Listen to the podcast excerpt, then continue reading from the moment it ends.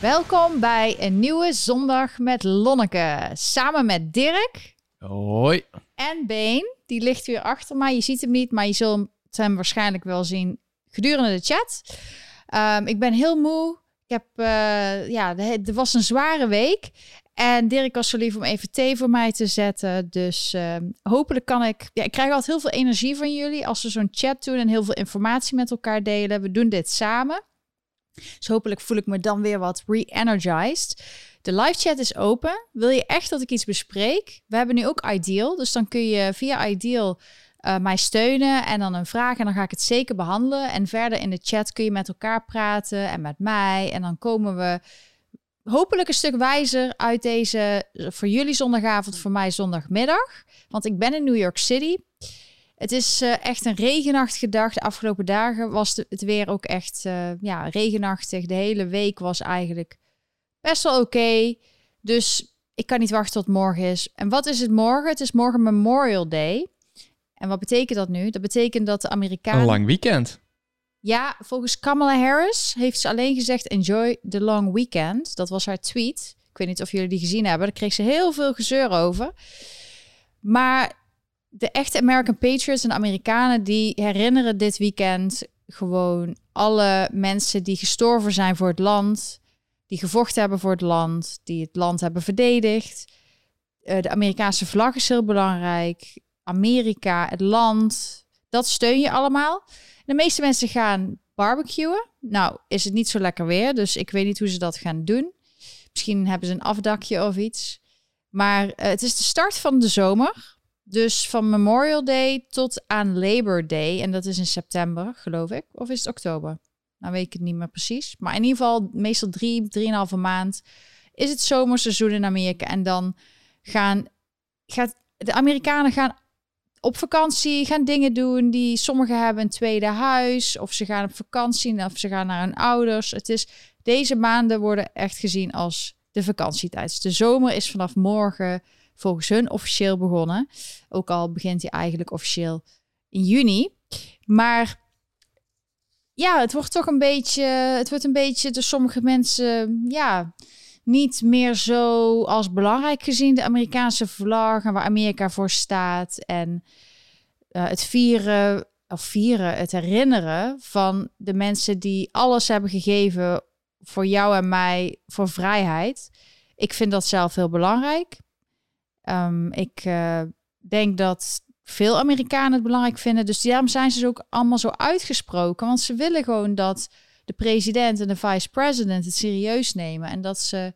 Dus misschien is er morgen nog een speciale tweet of iets eruit gooien. Maar dit is een trend die zie je overal.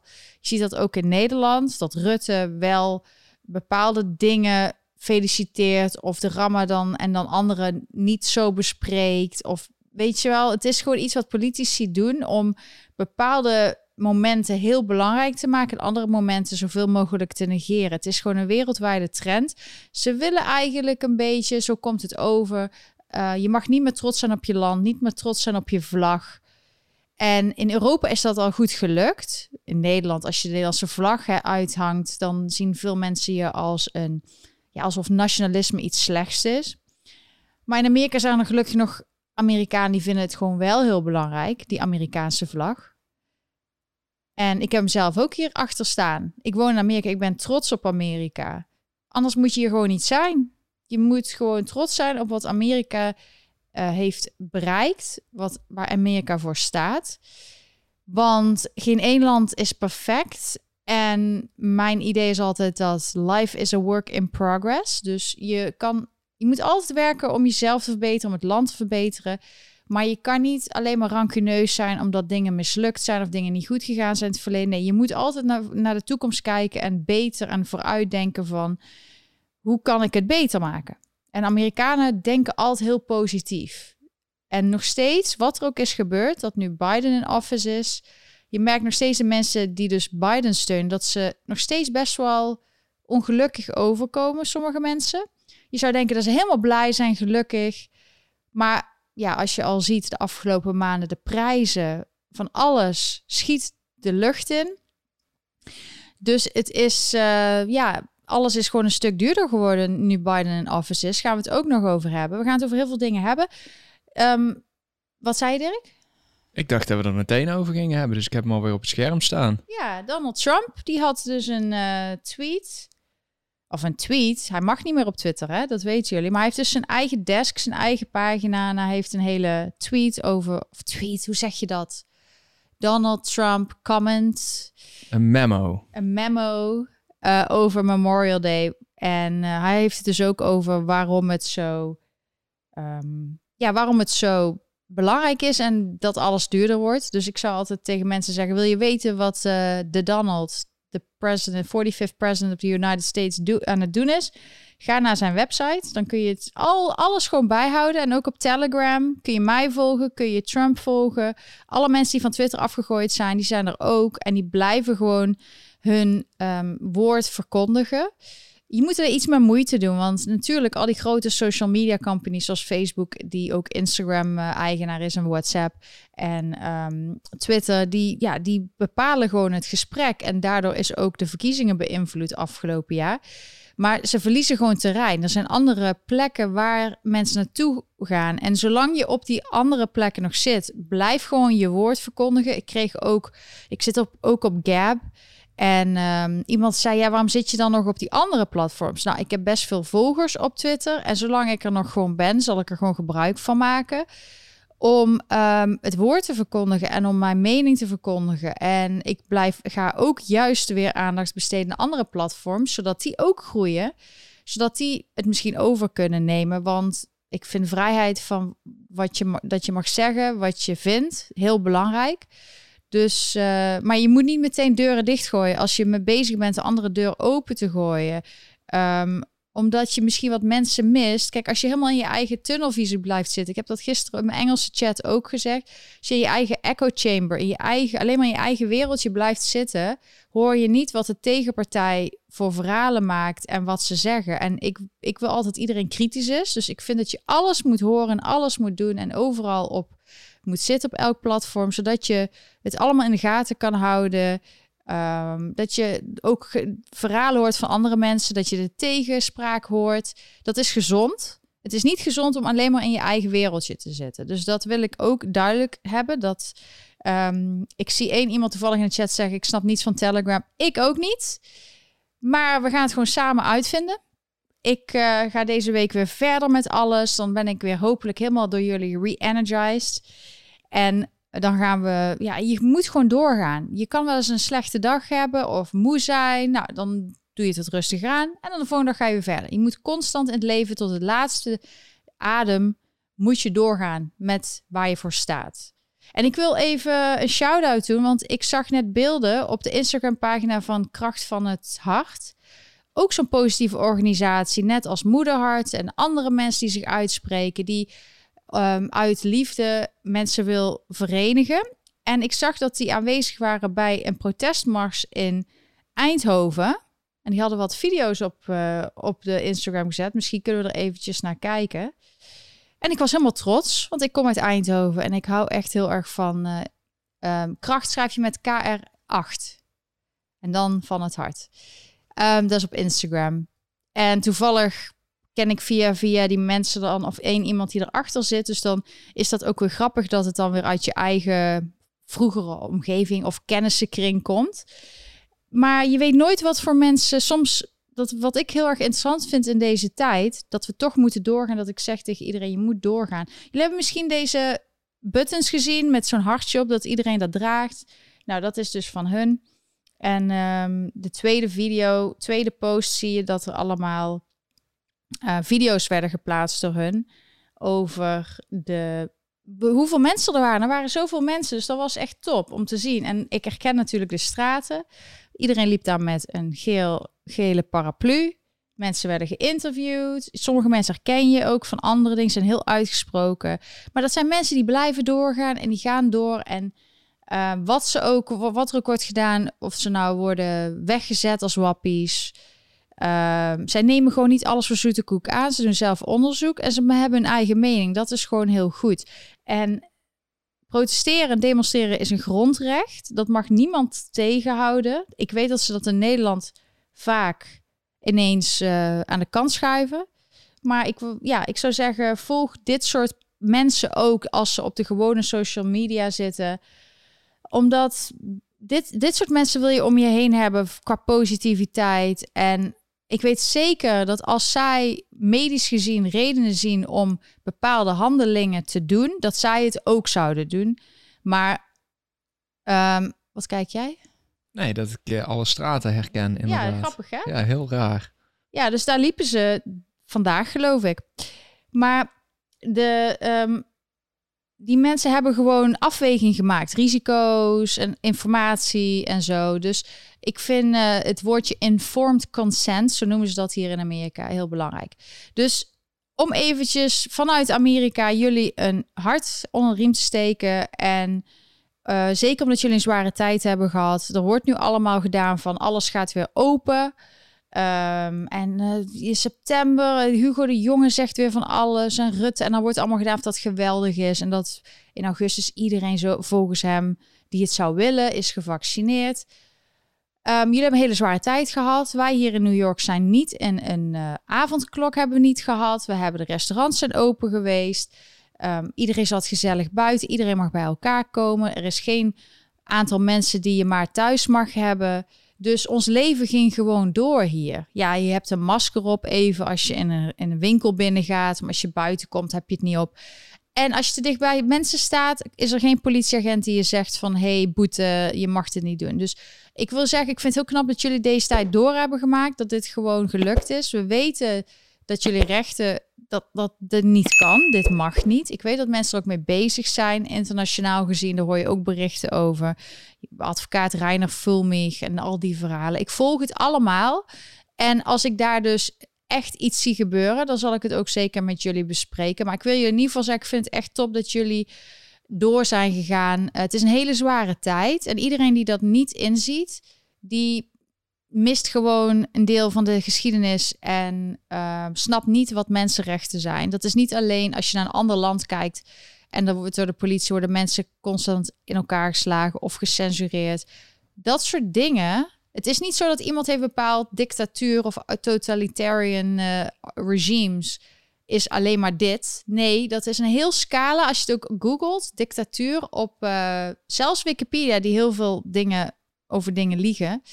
Uh, mijn Wikipedia-pagina klopt niet eens. Maar in ieder geval, die zegt dat zelf, dat er vele soorten zijn. Dus het is niet zo dat omdat Noord-Korea het op een bepaalde manier doet, dat in Nederland dan geen totalitair of fascistisch gedoe aan de gang is. Hè? Dat moet je, moet je gewoon. Je moet kijken naar de feiten. En de feiten zijn gewoon dat mensen in Nederland niet mochten protesteren, terwijl dat wel een mensenrecht is. Amnesty heeft hier een um, uitspraak over gedaan. Oh, jij gaat even naar mijn Wikipedia kijken of er iets klopt. Nou, er mist de helft. Klopt wel volgens mij dat wij getrouwd zijn. Maar er staat bijvoorbeeld dat ik een staunch conservative ben. Nou, dat ben ik helemaal niet. Ik ben van geen partij. Ik ben gewoon Lonneke. En ik heb gewoon mijn eigen mening, doe mijn eigen onderzoek. Ik hou van duurzaamheid, maar alleen van echte duurzaamheid. Dus niet van die klimaatnonsens, want dat, waar is dat op gebaseerd?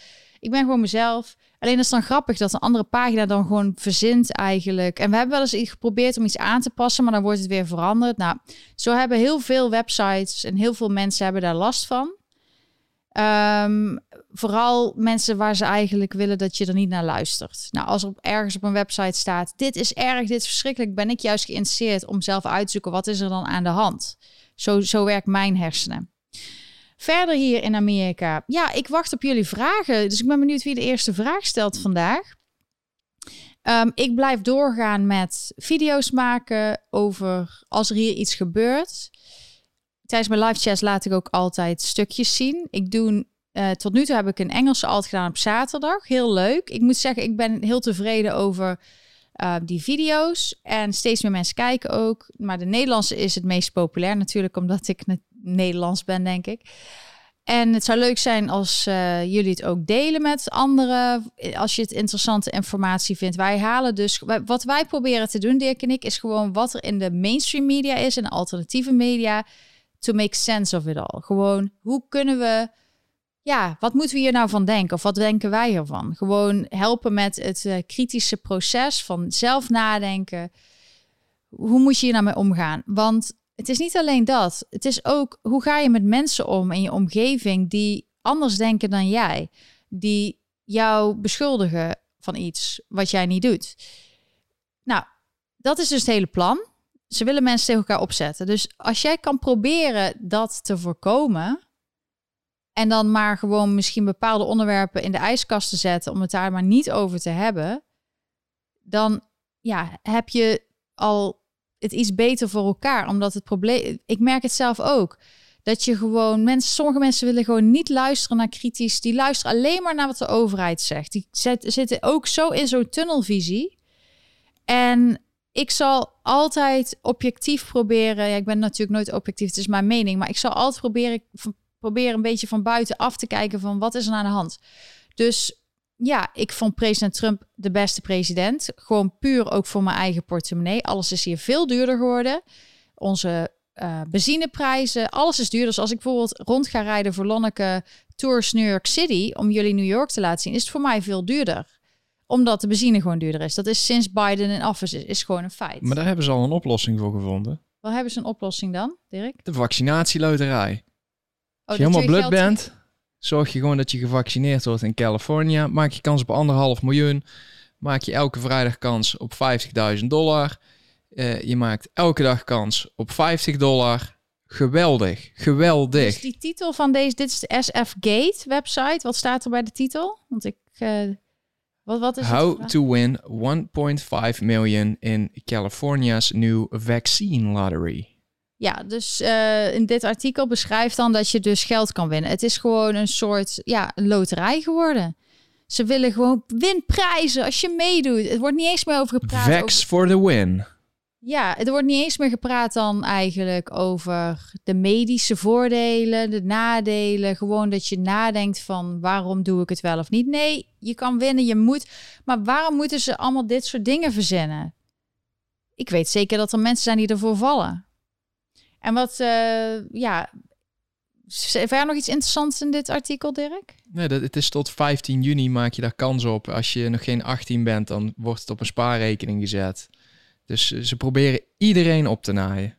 Oké, nou dat is dan net na mijn verjaardag. Dus uh, dan kan ik nog denken of ik er meedoen met een cadeautje. Terwijl als cadeautje. Californië heeft dus best een hoge vaccinatiegraad al met 62,8 ja, kan het niet zo zijn. Nu mag je het artikel wel wegzetten. Um, het kan niet zo zijn dat het uh, dat Gavin Newsom en al die mensen in Californië staan natuurlijk niet zo goed voor, omdat het allemaal, iedereen gaat weg uit Californië, gaat weg in New York. Dat ze maar dingen verzinnen om mensen maar iets gratis te geven, zodat mensen een goed gevoel hebben over hun. Ja, het is gewoon omkoperij eigenlijk. Maar dat gebeurt dus hier in Amerika.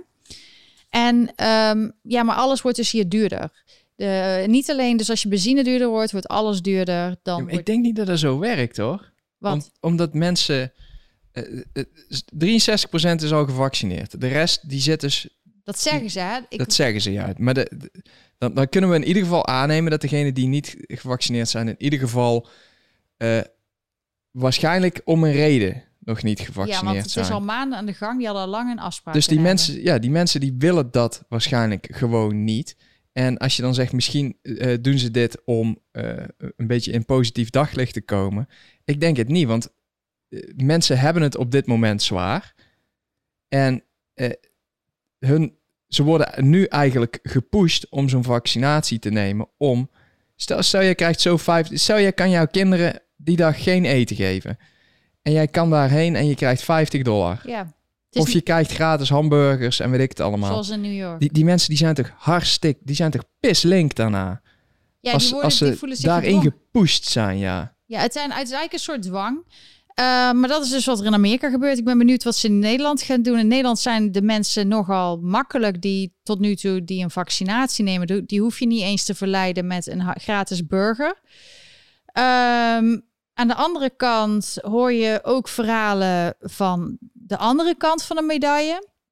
En aangezien uh, ja, de, de testen en alles pas in 2023 weten we meer.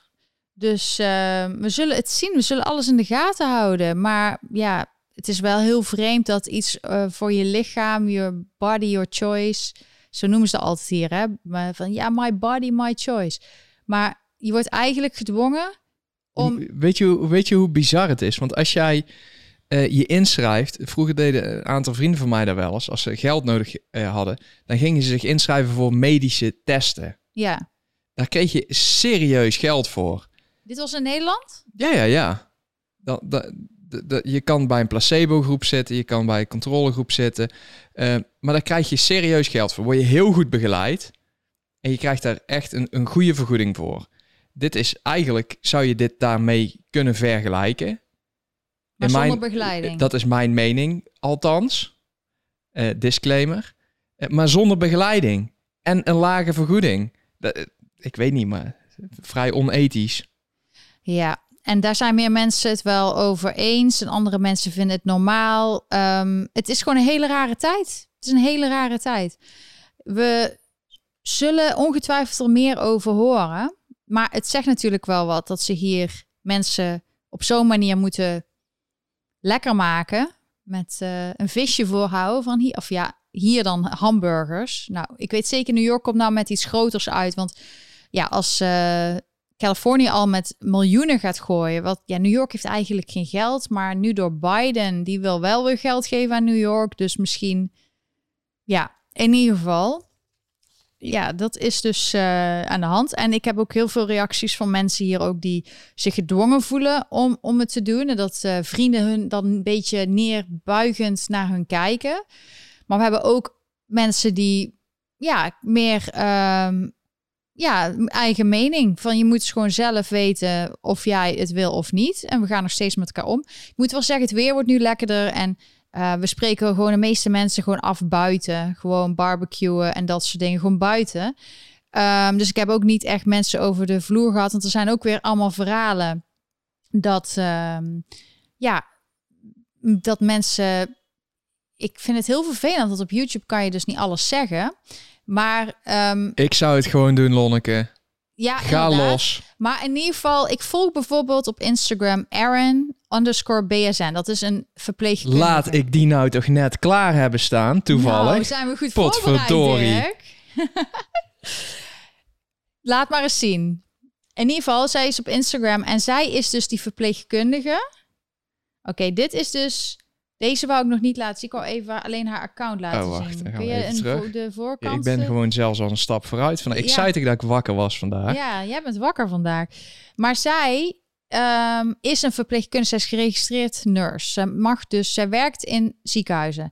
Weet je nog toen hier in New York City ehm, een hele, ja, vorig jaar was dit het epicentrum en alle ziekenhuizen waren helemaal vol en het was allemaal veel doden en al die, weet je wel dat ze dat allemaal zeiden in de media. Nou, toen moesten ze dus verpleegkundigen hebben van buitenaf. En zij woont in Florida en zij is naar New York gekomen om te helpen in het Elmhurst ziekenhuis, wat een van de meest geraakte ziekenhuizen was. Zij heeft daar een whistleblower, dus een, ehm, eh, hoe zeg je dat, Eh, klokkenluider is zij geweest. Zij heeft stiekem gefilmd. Zij heeft verteld dat, dat ze dingen zag die ze eigenlijk raar vond. En dat had dan ook te maken met de beademingsapparatuur. Ze heeft ook een boek erover geschreven. En eh, nu doet zij gewoon haar mening delen over dat je informed consent en dat je er gewoon, ja, eh, hoe je over vaccinaties geeft ze gewoon informatie. Dus zij heeft al wat dingetjes, eh, documenten deelt zij. Maar zij wordt dus lastiggevallen door factcheckers. Dat bepaalde posts niet mogen of dat die weggehaald worden door factcheckers. Nou, dat zijn dan journalisten. Die zijn dan door Instagram en Facebook aangewezen als jij mag factchecker zijn. Niet een transparant proces waarom die mensen dan factchecker kunnen zijn. Maar zij zorgen ervoor dat dingen van haar gecensureerd worden. Nu, sinds kort heeft Governor DeSantis een legislation, dat is dus een wet getekend, dat alle mensen die in Florida wonen, mogen een rechtszaak beginnen tegen eh, social media bedrijven die mensen censureren of onwaarheden vertellen. En zij gaat dus nu naar al die factcheckers toe en zegt van... hey, je hebt iets van mij weggehaald. Dit is het bewijs. Dit is het onderzoek waar ik het over heb. Als je het niet weghaalt, ga ik je aanklagen, want ik woon in Florida. Dus dankzij Governor DeSantis hebben mensen wel iets nu om tegen die big tech censorship te werken. Maar zij zegt, ik blijf gewoon bij feiten en bij verhalen. En zij heeft bijvoorbeeld één post waarbij ehm, ze vroeg aan andere healthcare mensen van hoe voel jij je in deze pandemie? Wat vind jij ervan? Dat zijn al meer dan 17.000 comments. Dus, Weet je welke dat was? Ehm, nee, maar zij deelt die wel heel vaak. Je moet je even kijken. Maar zij zegt dus, er zijn mensen die spreken zich uit. En ze wordt dus heel gedreigd met censuur. Maar je kan toch niet een mening van een andere dokter weghalen. Dus het staat er nog. Maar ook zijn de, post die Dirk als eerste liet zien, dat gaat over wat dan blijkbaar een Pfizer uh, intern document is. En dat um, daar staan allemaal verhalen van vrouwen over die in de bij mensen zijn geweest die dus dat ding hebben genomen. En wat voor rare bij hoe zij zich voelen. Dus zij hebben niks genomen. Ze zijn bij mensen die het wel hebben genomen. En ineens hebben ze een rare menstruatie of een rare ding. Nou, ik ben dan zo van zoveel mensen die dat vertellen, hetzelfde verhaal, moet je daar niet serieus naar kijken. En als het dan allemaal uh, niet waar blijkt te zijn of aan iets anders ligt, kun je daarna wel zeggen. Maar als er zoveel mensen dit opeens zeggen, dan moet je daar toch gewoon over kunnen hebben. Wat is dat toch raar? Dat is een medisch iets. Um, ja, maar een paar jaar geleden zou zoiets gewoon vol in het nieuws komen, continu. Ja, continu want, zou mensen bang angst, maken. Ja, angst verkoopt. Ja. Angst en woede verkoopt het beste. Dus, en nou, ja, maar je ziet, wat is het? CNN is ook, uh, kijkcijfer met 70% gedaald. Omdat ze niet, niemand hebben om op te vitten. Nee, Trump is weg, hè? Dus... 70% gedaald. Als die dit zouden brengen, dan staan ze weer gewoon hoog. En dan, dan doen ze tenminste ook nog weer iets zinnigs. Ja, dus uh, zij publiceert dit allemaal, dit soort dingen. Dus ik vind haar een interessant iemand om te volgen. Uh, zo zijn er meer mensen. Er zijn ook in Nederland, ook in Amerika, grote groepen doktoren die hebben een mening. Um, de komende maanden ook Dr. Fauci wordt ineens heel erg aangevallen. Nou, iemand zei al, alles in de media wordt bepaald. Dus hoe kan het ineens dat Fauci nu wordt aangevallen? Hoe kan het dat Bill Gates ineens wordt aangevallen nu? Dus vaak zit er wat achter. Maar ik zou het toch volgen. Ik zou toch kijken wat gaat er gebeuren. Want, uh, want nu wordt er dus officiële verhaal is dus dat het misschien wel uit een uh, laboratorium in China zou gekomen zijn. En nou doet Facebook zegt ineens je mag het niet meer censureren, dan mag je laten staan. Dus waarom mag het nou ineens oké okay zijn dat mensen moeten mensen boos worden op China? Wat is, het, wat is het doel ervan? Moeten ze dadelijk het goedkeuren als er oorlog komt of wat dan ook? Oh, dat was volgens mij waar je het over hebt, een rapport hier in Amerika. Ja. Een onderzoek in Amerika waar uitgevoerd is. En in de dagen daarna heeft volgens mij uh, Engeland het ook bevestigd. Die hebben ook een onafhankelijk onderzoek gedaan. En uh, Noorwegen volgens mij ook. Die hebben allemaal gezegd het is, uh, het is man-made.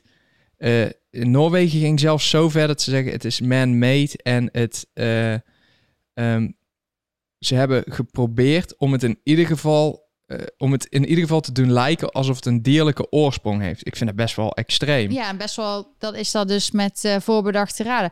Maar Dr. Fauci, die is dus een oude video is naar boven gekomen van 2012. Die kun je ook gewoon vinden. Iemand had die gevonden. Die was wel moeilijk weggestopt. Die was wel weggestopt, dus het was moeilijk te vinden. Maar daarin zegt hij dus dat hij, dat hij het wel belangrijk vindt dat er, uh, dat er um, onderzoeken worden gedaan waarbij ja, virussen worden geactiveerd. En dan is er misschien een risico voor een, een pandemie. Maar dat is voor het onderzoek is belangrijk. Zoiets was, het ging over die video. Dus nou heeft hij heel veel. Nu gaat iedereen allemaal op, uh, op Fauci zitten te doen. Maar, maar hij, ik, hij, hij, heeft ook uh, ergens een probleem. Want het is eigenlijk een soort wapenwedloop die er dan gaande is. Want ze weten, hij weet vanuit zijn positie waarschijnlijk dat het buitenland dat ook doet. Ja.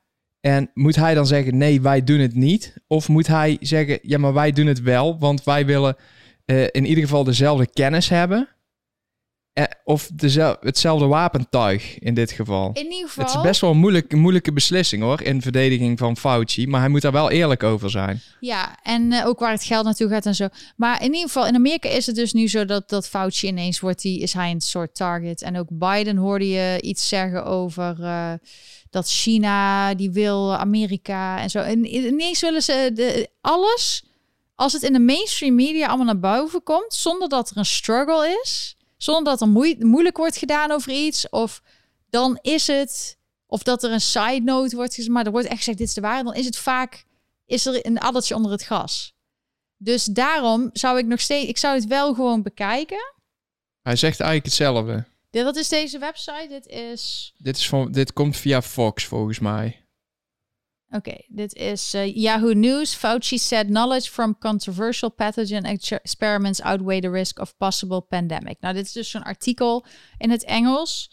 En um, ik Ze zegt eigenlijk precies wat ik net zeg. Alleen ik vind wel dat je daar dan van het begin af aan gewoon eerlijk over moet zijn. En dan moet je ook de nodige maatregelen nemen om als het misgaat, het meteen in de kiem te kunnen smoren. Ik denk gewoon dat we worden helemaal gek gemaakt. Dat we niet meer weten wat we moeten geloven. Maar Daarom... wij horen het hier eigenlijk helemaal niet over te hebben nu. Want? Wij moeten het over UFO's hebben op dit moment. Want dat, uh, nee, ja, dat is ook allemaal in het nieuws. Ik denk dat mensen worden, dat is ook iets. Hè? Ze worden, je wordt overweldigd met verhalen, zodat je misschien andere dingen niet in de gaten houdt.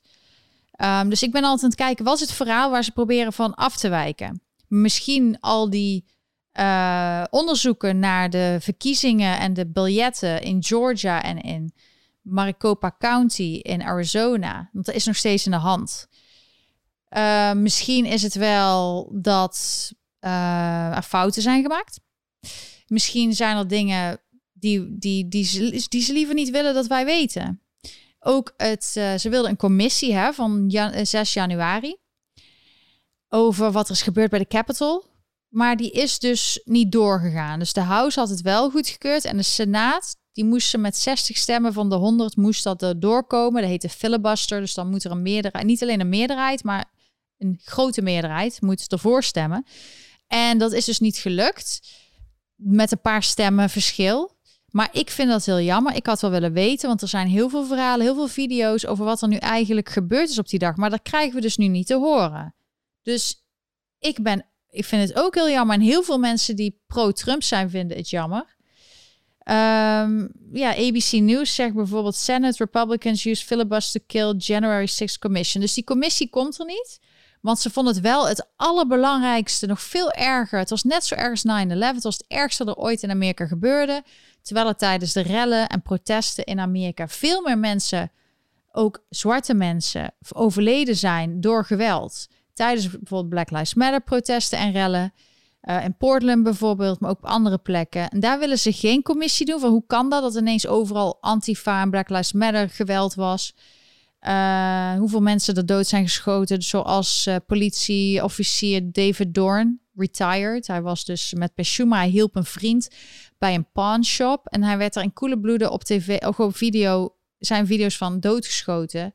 Er was een man die gewoon super netjes zoals hij, een zwarte man. En hij krijgt geen protesten in Nederland. Maar George Floyd, die een hele historie heeft, die door politie dan, en er is ook, er zijn heel veel verhalen over wat er precies gebeurt. En er zijn verschillende video's voor de mensen die de hele rechtszaak hebben gezien. Ja, de nieuwe feiten kwamen daar naar boven. Maar David Dorn krijgt helemaal niks. Terwijl hij gewoon zijn hele leven, was een 70 geloof ik. Super, super goede man, Amerikaan was, die, die hard werkte voor zijn neighborhood. Nou heeft hij lokaal wel wat dingetjes gehad, maar niet wereldwijd. Gewoon, hij deed gewoon zijn werk en hij werd een koele bloeden doodgeschoten. Hij is een zwarte man. Uh, voor, het lijkt net of voor hun niet alle zwarte levens stellen, maar alleen maar een aantal als het hun uitkomt. Dus um, ja, wat er gewoon is, wat jullie wil duidelijk maken, is er zijn verhalen die worden in de media gegooid. En in plaats dat je het meteen, heel veel mensen hebben zoiets, oh, erg, oh, en meteen het aannemen of het horen en denk oké, ik doe dat nooit. Ik ga meteen, als ik iets interessants vind, onderzoek. Wat is het verhaal wat hun zeggen? Wat kan ik vinden?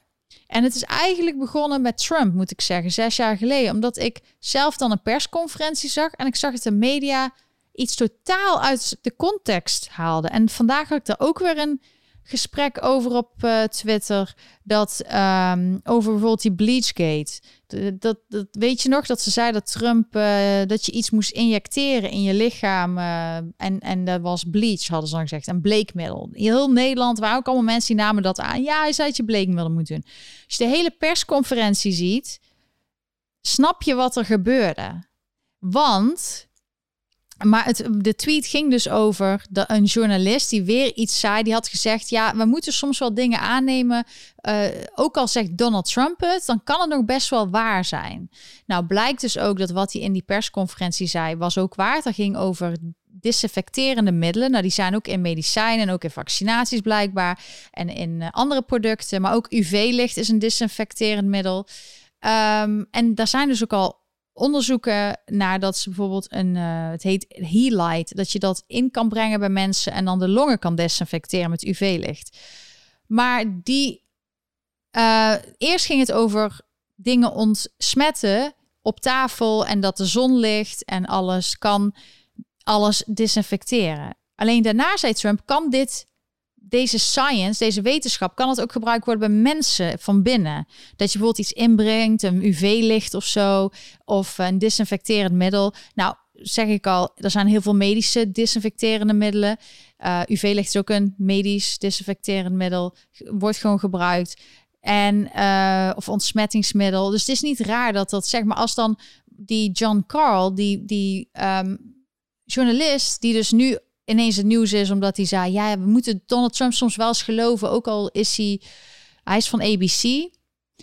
Ehm, als hij iets zegt, dan kan het soms wel waar zijn. Maar hij was dus degene die een vraag stelde van ja, hij heeft het over bleach en zo, maar dan gaan we toch niet injecteren.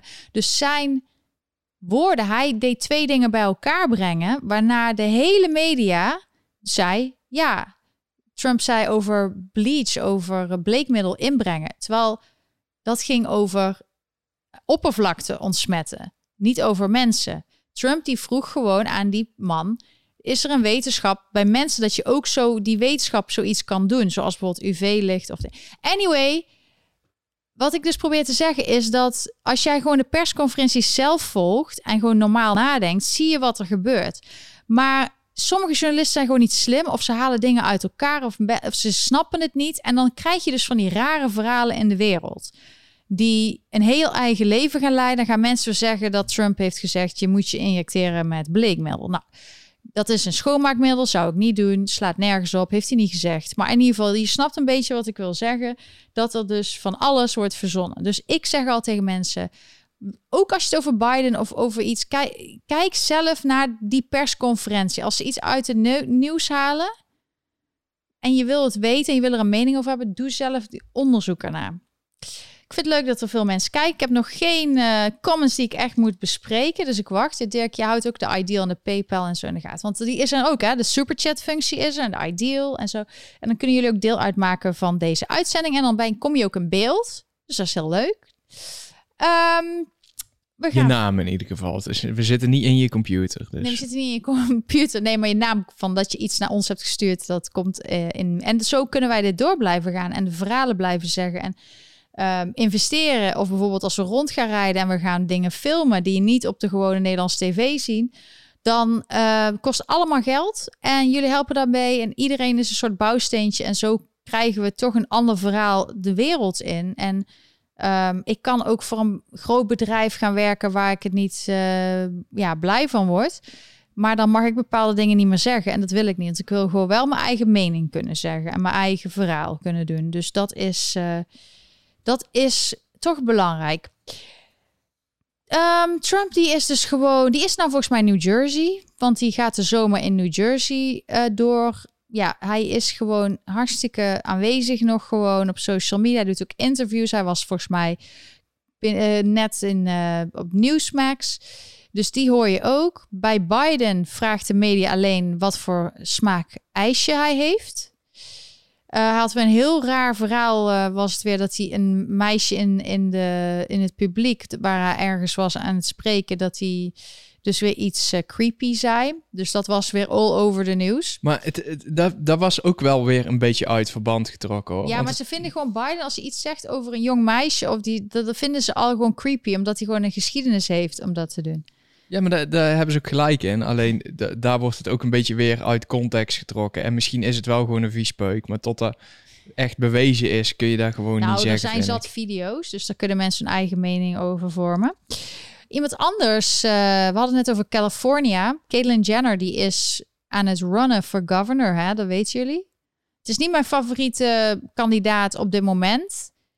Um, zou ik zeggen. Maar ik mag Wie is dan je favoriete kandidaat? Nee, Major Williams. Ze hadden het gisteren ook over. Die had het over. Uh, dat is een uh, zwarte uh, republikein. En die heeft een gezin en die had heel goede post op zijn social media van wat kinderen eigenlijk moeten leren op school. En dat is ook in Nederland. Kijk, in Nederland heb je gewoon allemaal leraren zoals Hugo de Jonge die voor de klas staan. En er zijn best wel goede uitzonderingen. En die voelen zich ook heel erg rot dat zij met dat soort mensen moeten werken. En dat alles geïndoctrineerd wordt. Er zijn nog steeds goede leraren. Maar ook in Nederland hoor ik van mensen dat ze eigen scholen willen beginnen.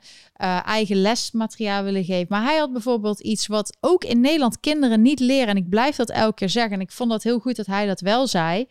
Wat moeten kinderen leren? Kun jij het even voorlezen en vertalen? Want ik kan het niet zo goed zien. Uh, boekhouden, fiscaal management, belastingen. Uh, een goede kredietscore hebben. Nou, dat is in Nederland nog niet zo van toepassing, volgens mij. Uh, een goede carrière uitzoeken, voeding, zelfverdediging, tijdmanagement en zelfvertrouwen. Ja, dat leren kinderen helemaal niet op school. Ze moeten gewoon boekjes leren, lezen. En um, ze moeten doen wat de leraar zegt. Ze moeten stilzitten. Ik merk het ook bij mijn neefjes en nichtjes. Wat mogen ze volgens jou als eerste schrappen van de vakken die jij ooit hebt gehad? Nou, ik ben uiteindelijk dus op mijn zestiende van de middelbare school afgegaan. Ik heb zelf mijn zelf, zelfstudie heb ik mijn VWO gehaald. En dat was best wel makkelijk. Ik heb gewoon twee weken een paar boeken gelezen. Ik heb examen gedaan, heb ik gehaald. Ik moest een mondeling examen, heb ik niet voor alle vakken gehaald. Dus, maar ik had in ieder geval genoeg vakken die ik haalde, zodat ik een VWO-diploma kon krijgen. Dus ik dacht echt, oh, dat moet iedereen doen. Dan hoef je niet naar school. Dan studeer je gewoon zelf. Doe je gewoon examen. En dan heb je het gewoon gehaald. En omdat ik rondreisde, vanaf mijn, al vanaf mijn dertiende, heb ik gewoon heel veel van de wereld gezien. Dat heeft eigenlijk mijn leven gevormd. Het enige wat ik heel belangrijk vind voor kinderen is dat ze zwemles hebben. Nou, dat krijgen veel kinderen in Nederland al niet. Uh, gym. Eigenlijk zouden ze bijna elke dag iets van activiteit moeten doen. Want stil... ja, die mist hier wel een, een beetje. Er staat wel zelf defense op, zelfverdediging, maar niet iets fysieks verder. Nee, inderdaad. Dan mag er nog bij. Dus uh, hij heeft dan een paar dingen genoemd. Nee, maar dat is wel echt heel dik, hè? Als je in plaats van gewoon gimmen, een beetje springen en huppelen en die flauwekul en touwen klimmen, gewoon alleen maar zelfverdediging krijgt. Ja, allemaal karaat en zo. Weet je hoe sterke kinderen je krijgt dan? Maar die uh, Major Williams, die is dus voor governor aan het runnen. En Caitlyn Jenner wil dat. Dus we zullen zien uiteindelijk wanneer de echte verkiezingen zijn. Wie maar ik heb nog steeds niet gehoord welk vak er nou weg oh, moet. ja, sorry. Ik, ik ga soms wel een beetje in, te veel inleiden en dan niet antwoord geven. Ehm, welk vak vind ik onnodig? Nou, ik vind gewoon het idee van de kinderen stil moeten zitten de hele dag achter een desk. Als je stil zit, dan wordt al gezegd dat mensen de hele dag door moeten. Dus jij zegt een vak. Ik ben even aan het nadenken. Ja, jij vindt gewoon de school op de schop moet. Nee, maar gewoon dat kinderen moeten zitten. Ze zeggen toch ook tegen mensen die werken, die de hele dag van 9 tot 5 werken, dat dat niet gezond is. Dat je dan moet rondlopen. En dat vooral kinderen op de lagere school zitten bij dezelfde leraar de hele dag in de klas. Die mogen wel een keertje gaan spelen, maar die zitten een paar uur achter elkaar stil.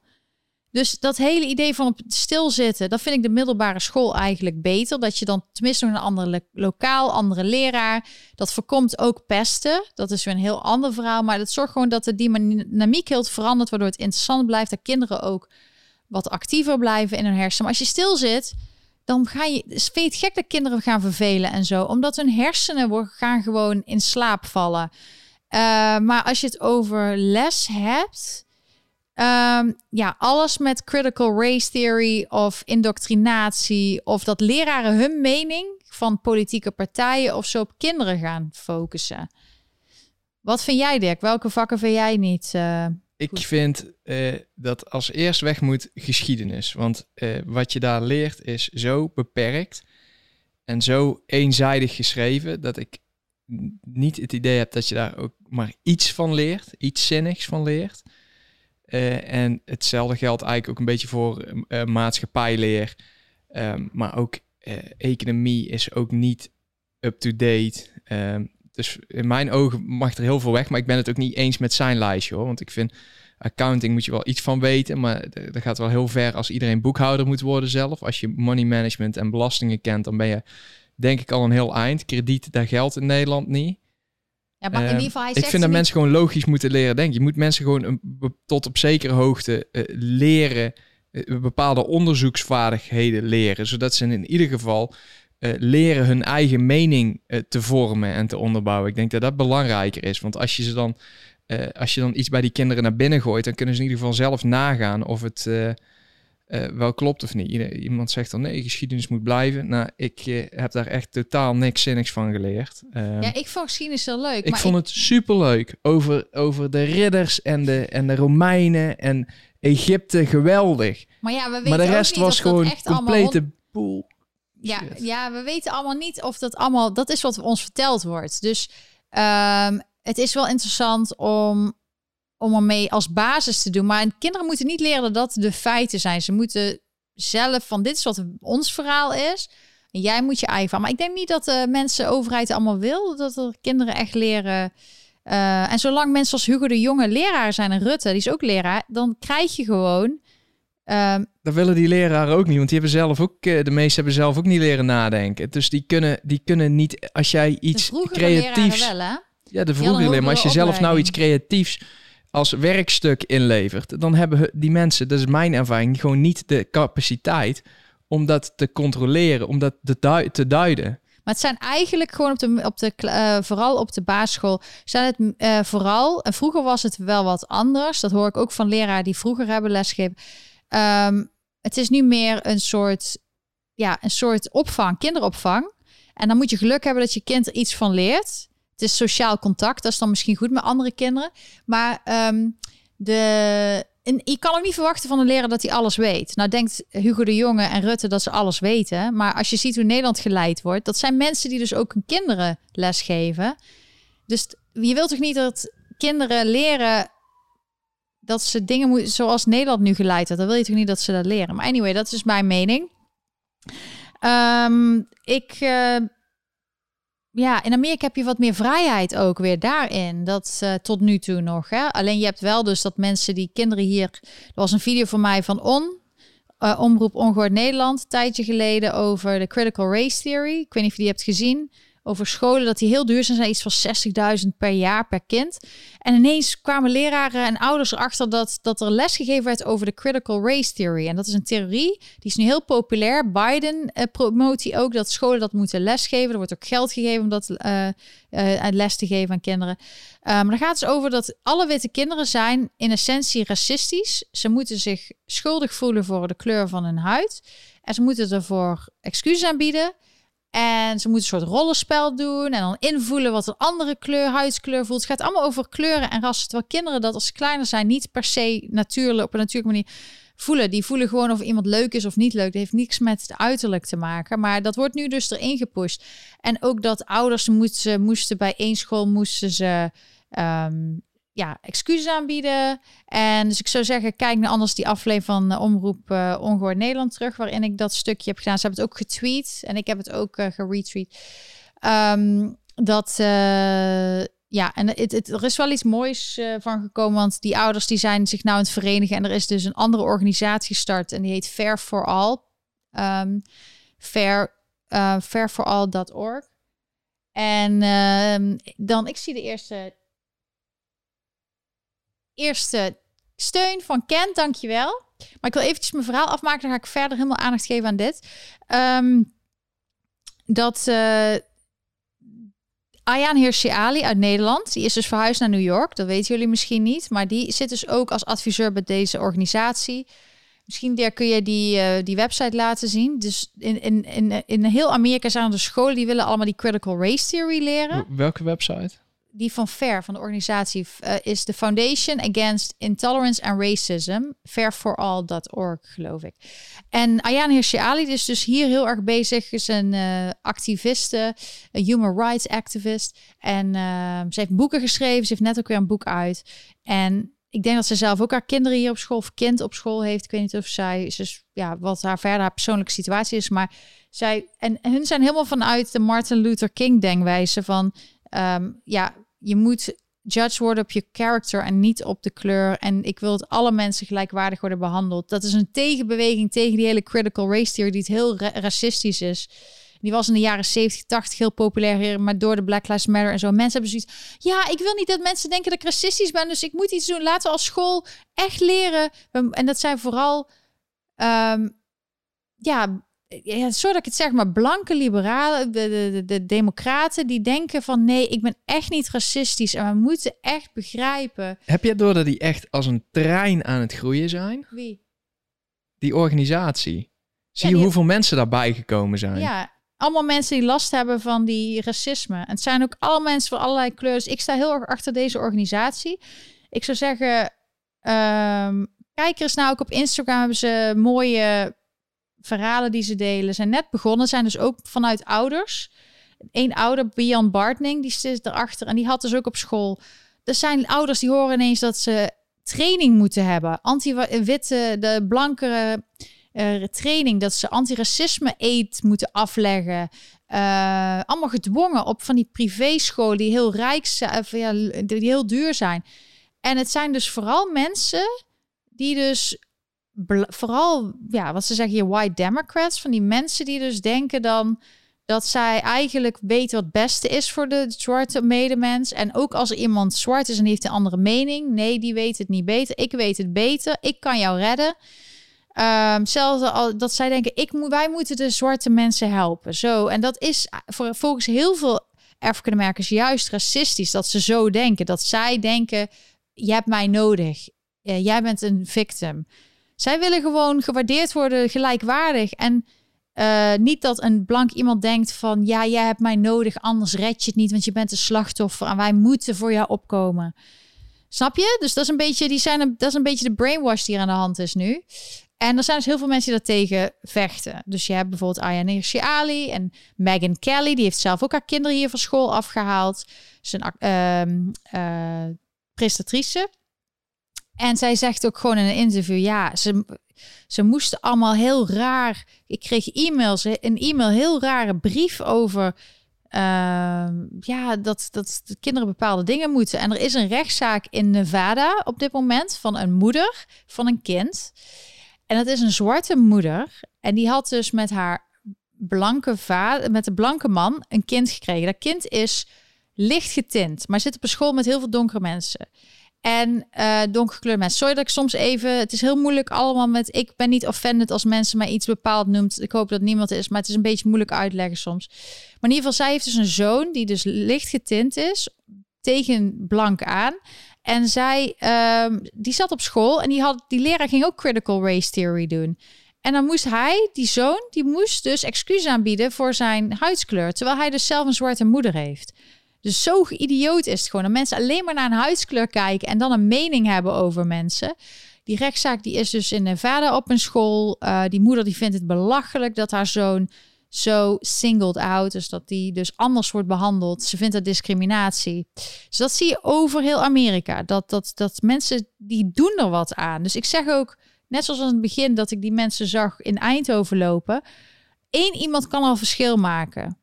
Of je nou die verpleegkundige bent, of je hebt iets anders waar je goed kan, of je kan mensen motiveren, of je kan verhalen goed delen op social media of wat dan ook. Iedereen kan wat doen om verandering te werkstelligen.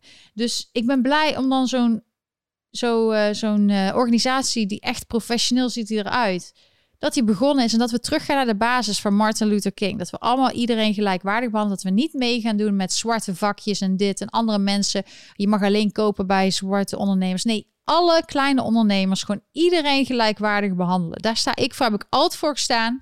Heb ik al een heel jaar, ik, het werd me niet in dank afgenomen toen ik dat een jaar geleden zei van sorry hoor, maar ik hoor wat die mensen zeggen hier op straat. Ik vind dat discriminatie, ik vind dat racisme. Uh, Dit is het desbetreffende mevrouw, toch?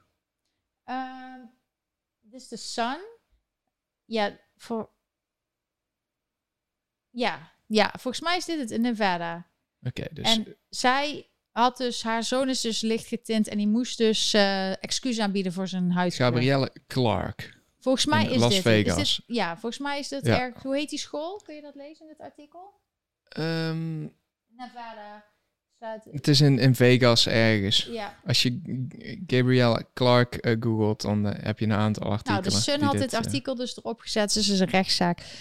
En ehm, ja, dus ik deed er niet aan mee. Als je met dingen die zo hatelijk en boos zijn, die anger, als je daar niet meedoet, scheelt zoveel stress, zoveel haat. Ik wil elke dag, ik heb best vaak dagen dat ik me niet helemaal top voel. Dat komt omdat ik, ja, lang verhaal, chronisch ziek ben geworden, waarschijnlijk ook door een vaccinatie jaren geleden ingesteld. Daardoor is mijn immuun, ik kreeg een auto-immuunziekte en dat is eigenlijk, dus ik heb goede en slechte dagen. Ik vind het gewoon belangrijk elke dag, als ik me nou minder goed voel of wel goed, dat ik iets doe waar ik gelukkig van word. Dat ik blij word, ehm, dat ik vooruit ga. Ook al gaat het soms niet zo goed, dat ik trots ben en gelukkig ben wat ik die dag heb gedaan. Want je hebt maar één leven en een leven vol haat is negatief. Maar als je strijdt voor het positieve, voor transparantie, voor de waarheid, dat is positief. Ehm, als je mensen gaat haten en aanzet op agressie en haat, dat is niet oké. Ik wens alle mensen die dus in deze hele pandemie slechte dingen hebben gedaan en mensen op verkeerde benen hebben gezet, die, die wens ik veel wijsheid toe. Ik wens ze niks anders toe, want het is slecht voor mijn eigen gevoel. En uh, ik wil gewoon positief blijven. Dus maar ik, ik ben wel gewoon ervoor dat iedereen, dat we gewoon, ja, transparantie, dat we erover praten. Alleen je ziet dus in de media, ik weet zeker dat ze wel in uh, Nederland veel over Black Lives Matter hebben gepraat, maar dat niemand in Nederland nog iets heeft gehoord over die nieuwe organisatie van Ayaan Hirsi Ali, onze eigen Nederlandse of Somalisch-Nederlandse Ayaan Hirsi Ali, die ook gewoon voor de VVD in het kabinet heeft gezeten, of in de, de parlement, in de Tweede Kamer, niet kabinet dat hij dus zoiets is begonnen. Dus dat vind ik gewoon, ehm, ja, en daarom zeg ik dat soort dingen. En doe ik allebei de kanten, laat ik zien. En dan mag jij erover nadenken wat jij vindt. En dit is mijn mening. Ik vind top dat uh, deze ouders zich nu uitspreken. En dat we weer teruggaan naar de basis. Racisme, hoe dan ook, welke manier, hoe mooi je het verhaal ook maakt. Want ze zeggen dan, ja, als je zegt all lives matter, dan ben je dit. Nee, nee, nee. Dit is gewoon al van tevoren uitbedacht. Dat oh, als ze dit zeggen, moet je dit zeggen. Zodat mensen in de war raken. Nee, je moet bij jezelf blijven bij de basis. Als jij vindt dat iedereen gelijkwaardig is, is iedereen gelijk. En dan kan iedereen zeggen tegen jou wat ze willen, maar jij weet hoe het zit. Uh, we gaan naar Kent. Die had een chat. Kun je hem nog een keer laten zien of lukt dat niet? Daar is hij. Um, ik kan hem ook niet lezen. Ik ga hem proberen. Ik ga hem proberen te lezen. De Nederlandse staatscourant is in ieder geval eerlijk. Volgens Hugo de Jonge is het vaccin geen gentherapie, maar de staatscourant vermeldt wat anders. Ja, dan heb je goed onderzoek gedaan. Want dan heb jij verder gekeken dan je neus lang is. En ze moeten inderdaad dingen publiceren in de Nederlandse staatscourant. En daar staat vaak de waarheid. En ik denk ook dat vaak dat ze juist dat doen om zodat men, dat ze niet kunnen zeggen, ja, we hebben het gewoon gezegd. Het stond gewoon in de Nederlandse staatscourant. Dan heb je maar moeten kijken. Um, ik merk gewoon iets over de vaccinatie, ook in eigen... Ik heb uh, eigen omgeving. Mensen hebben het dan bijvoorbeeld genomen, die willen gewoon op vakantie. En daarna moet je eigenlijk niet meer met ze praten erover, want ze vinden het heel eng. Ze willen, als er iets van nieuws uitkomt, ze willen het er niet over hebben. Ze hebben het al gedaan. Het is niet terug te draaien. Ze willen er niks meer over weten. Je moet gewoon dan, dan mag je dat onderwerp niet meer bespreken met die mensen. Dat is iets wat ik heb gemerkt. Uh, andere mensen vinden het ook bijvoorbeeld, ja, gewoon. Ik heb gewoon genomen. Ja, want uh, hoe slecht kan het nou zo zijn? De overheid doet het. Heel veel mensen doen het. Um, en je hebt mensen die natuurlijk kritisch zijn. Andere mensen die, uh, die, die hebben het goed onderzoek gedaan, die willen het wel. Andere mensen willen niet. Ik denk wel dat het verschil maakt, is zelf tussen mensen die um, ouder zijn en mensen die jonger zijn. Dus als jij bijvoorbeeld nog kan voortplanten. Uh, ik denk dat daar een verschil is met hoe je erop reageert en wat je ervan vindt en hoe je ernaar zou moeten kijken dan wanneer je ouder bent. Want ik merk bijvoorbeeld ook de mensen in mijn omgeving die in de 70 zijn, die hebben het genomen, hebben nergens last van. Of in ieder geval, die hebben dan nog maar zoveel jaar eigenlijk technisch gezien te leven. Dus die hebben zoiets. Wij krijgen sowieso bijwerkingen en wij krijgen sowieso problemen. Dus ja, die, die gaan, die hebben er niet zoveel. Die hebben niet nog een heel leven voor zich. Dus dan zijn de implicaties wat minder ernstig, denk ik. Dus ik denk dat je zo altijd naar dingen moet kijken. Nou, Dirk heeft het opgezocht. Dit staat op de staatscourant. Uh, ja. Oké, zo so het is een gentherapie. Volgens de staatscourant. Nou, wie ben ik om die te, in question te trekken? Hoe zeg je dat? In uh, de twijfel hieraan. Dus goed dat je dat even ons liet zien. Dat kan ook. Als je soms een uh, superchat of een ideal iets, dan kun je ook ons wijzen op iets waar we het over moeten hebben met andere mensen. Daar is het eigenlijk ook voor. Zo ben je deel van de uitzending. Ehm, ja, dus ik snap het ook wel. Als je iets hebt gedaan, je wil niet weten wat het heeft veroorzaakt. Je er heel erg voor mensen, hetzelfde met Black Lives Matter, mensen die er helemaal voor stonden en helemaal trots en allemaal zwarte vakjes en mensen uit school die er niet achter stonden, die nu erachter komen dat bijvoorbeeld uh, Black Lives Matter, dat, die, dat de ouders van de slachtoffers, die allemaal in nieuws gebruikt zijn om Black Lives Matter te promoten, dat die zeggen, ja, ik heb niks gehad aan Black Lives Matter. En hoe kan het dat die, um, die de, de, een van de founders, Patrice uh, nog iets, Colors, um, ik weet niet haar volledige naam, maar die is nu weggegaan bij Black Lives Matter, maar die heeft echt een portfolio van dure huizen. Van, en iedereen vraagt zich af, waar komt dat geld vandaan? Dus um, mensen die dan nu wakker worden van... hey, ik ben een beetje voor de gek gehouden... die willen er ook niet meer over hebben. Snap je? Dus het is heel bijzonder dat mensen grote mond hebben over iets. En ik ben altijd rustig gebleven. En ondanks dat ze dan bijvoorbeeld bepaalde dingen zeggen tegen mij. En nu komen ze zelf dan achter. En dat is hetzelfde bij Biden. Mensen die voor Biden gestemd hebben, die dachten allemaal het wordt veel beter onder Biden. En die komen nu achter dat ze veel meer geld betalen eh, voor alles. Voor voedsel, gas, dat koelkasten niet zijn. Die zijn allemaal, alles is uh, tekorten. Ja, die willen het er eigenlijk niet meer over hebben. Van, je laat het er niet meer over hebben gewoon. Dus het is niet zo dat ze heel blij zijn dat Biden er is. Omdat iedereen helemaal trots Biden. Ik ben dit, maar dit is ook weer zo'n mooi voorbeeldje. Want uh, dat stond dus heel groot in, uh, in de kranten. Dat zij voor weet ik hoeveel miljoen aan uh, real estate gekocht had hier. Um, en dan wordt, dat, daar wordt meteen heel het gefact-check weer op losgelaten. Nee, ja, het is niet waar, want het is genuanceerder, bla bla bla. Maar binnen no time treedt ze wel af. Ze heeft de bite binnen. Ze krijgt kritiek. Nou, we weten één ding. Die mensen kunnen ontzettend slecht tegen kritiek. Ja. Zeker vanuit de eigen hoek. Ja. Nou, dan, dan, dan, dan, dan ben je gewoon weg. Dus dan is het klaar. Een artikel, dan ga je naar boven. Dus dit is fact-checking, missing context, bla bla bla. Today. Ja. En dat zijn dus weer van die journalisten die, die wie zijn die mensen? Nou, dat is allemaal de nieuwe manier van propaganda. Want mensen zoals jij en ik hebben door dat er heel veel propaganda is.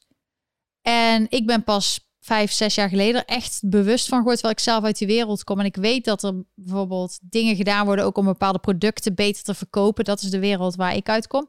Maar dat de nieuws en de media ook zo. Ja, maar jij was best wel naïef. Ik was naïef. Want jij dacht echt dat alle mensen goede intenties hadden. Ja, en dat, dat, de dat was jouw uitgangspunt. En, de, de en ik was het tegenovergestelde, dus wellicht dat we iets meer naar het midden gekropen ja, we zijn, zijn Jij bent wat uh, meer uh, naar het goede van, uh, de goede van de wereld nog naar het kijken. En ik ben wat meer kritisch geworden. Maar ik geloofde ook, dat heb ik al vaak gezegd, dat de wereld zou vergaan, dat uh, El Gore gelijk had. Je weet, mijn website Organize Your Life heb ik jarenlang mensen tips gegeven om duurzamer te worden.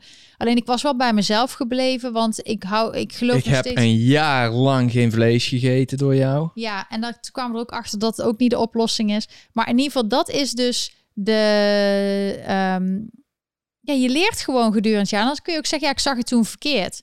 Maar Wat vroeg geloof... jij trouwens vanochtend aan mij? Weet ik niet. Wat moest ik meenemen?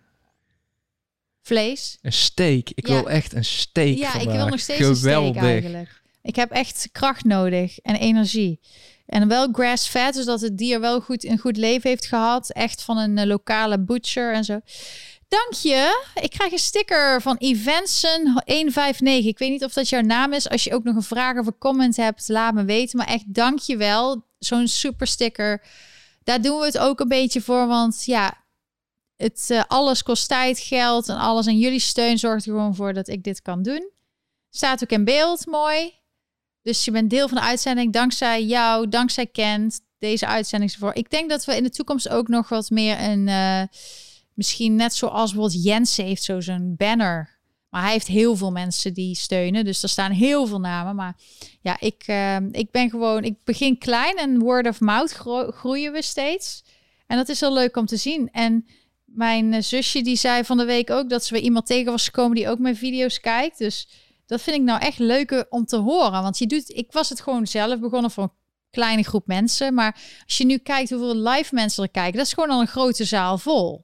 Dus ja, daar ben ik echt trots op. Vind ik leuk. En we doen het met z'n allen. En ik vind ook leuk dat jullie met elkaar aan het chatten zijn. En zo worden we ook wijzer van, ik wil je gewoon ja, tips geven wat ik zie van kijk eens naar deze organisatie, kijk eens naar dit, kijk eens naar dat. Ook om je tools te geven als mensen discussies aangaan in Nederland, dat je meteen iets kan laten zien van hey, het zit zo.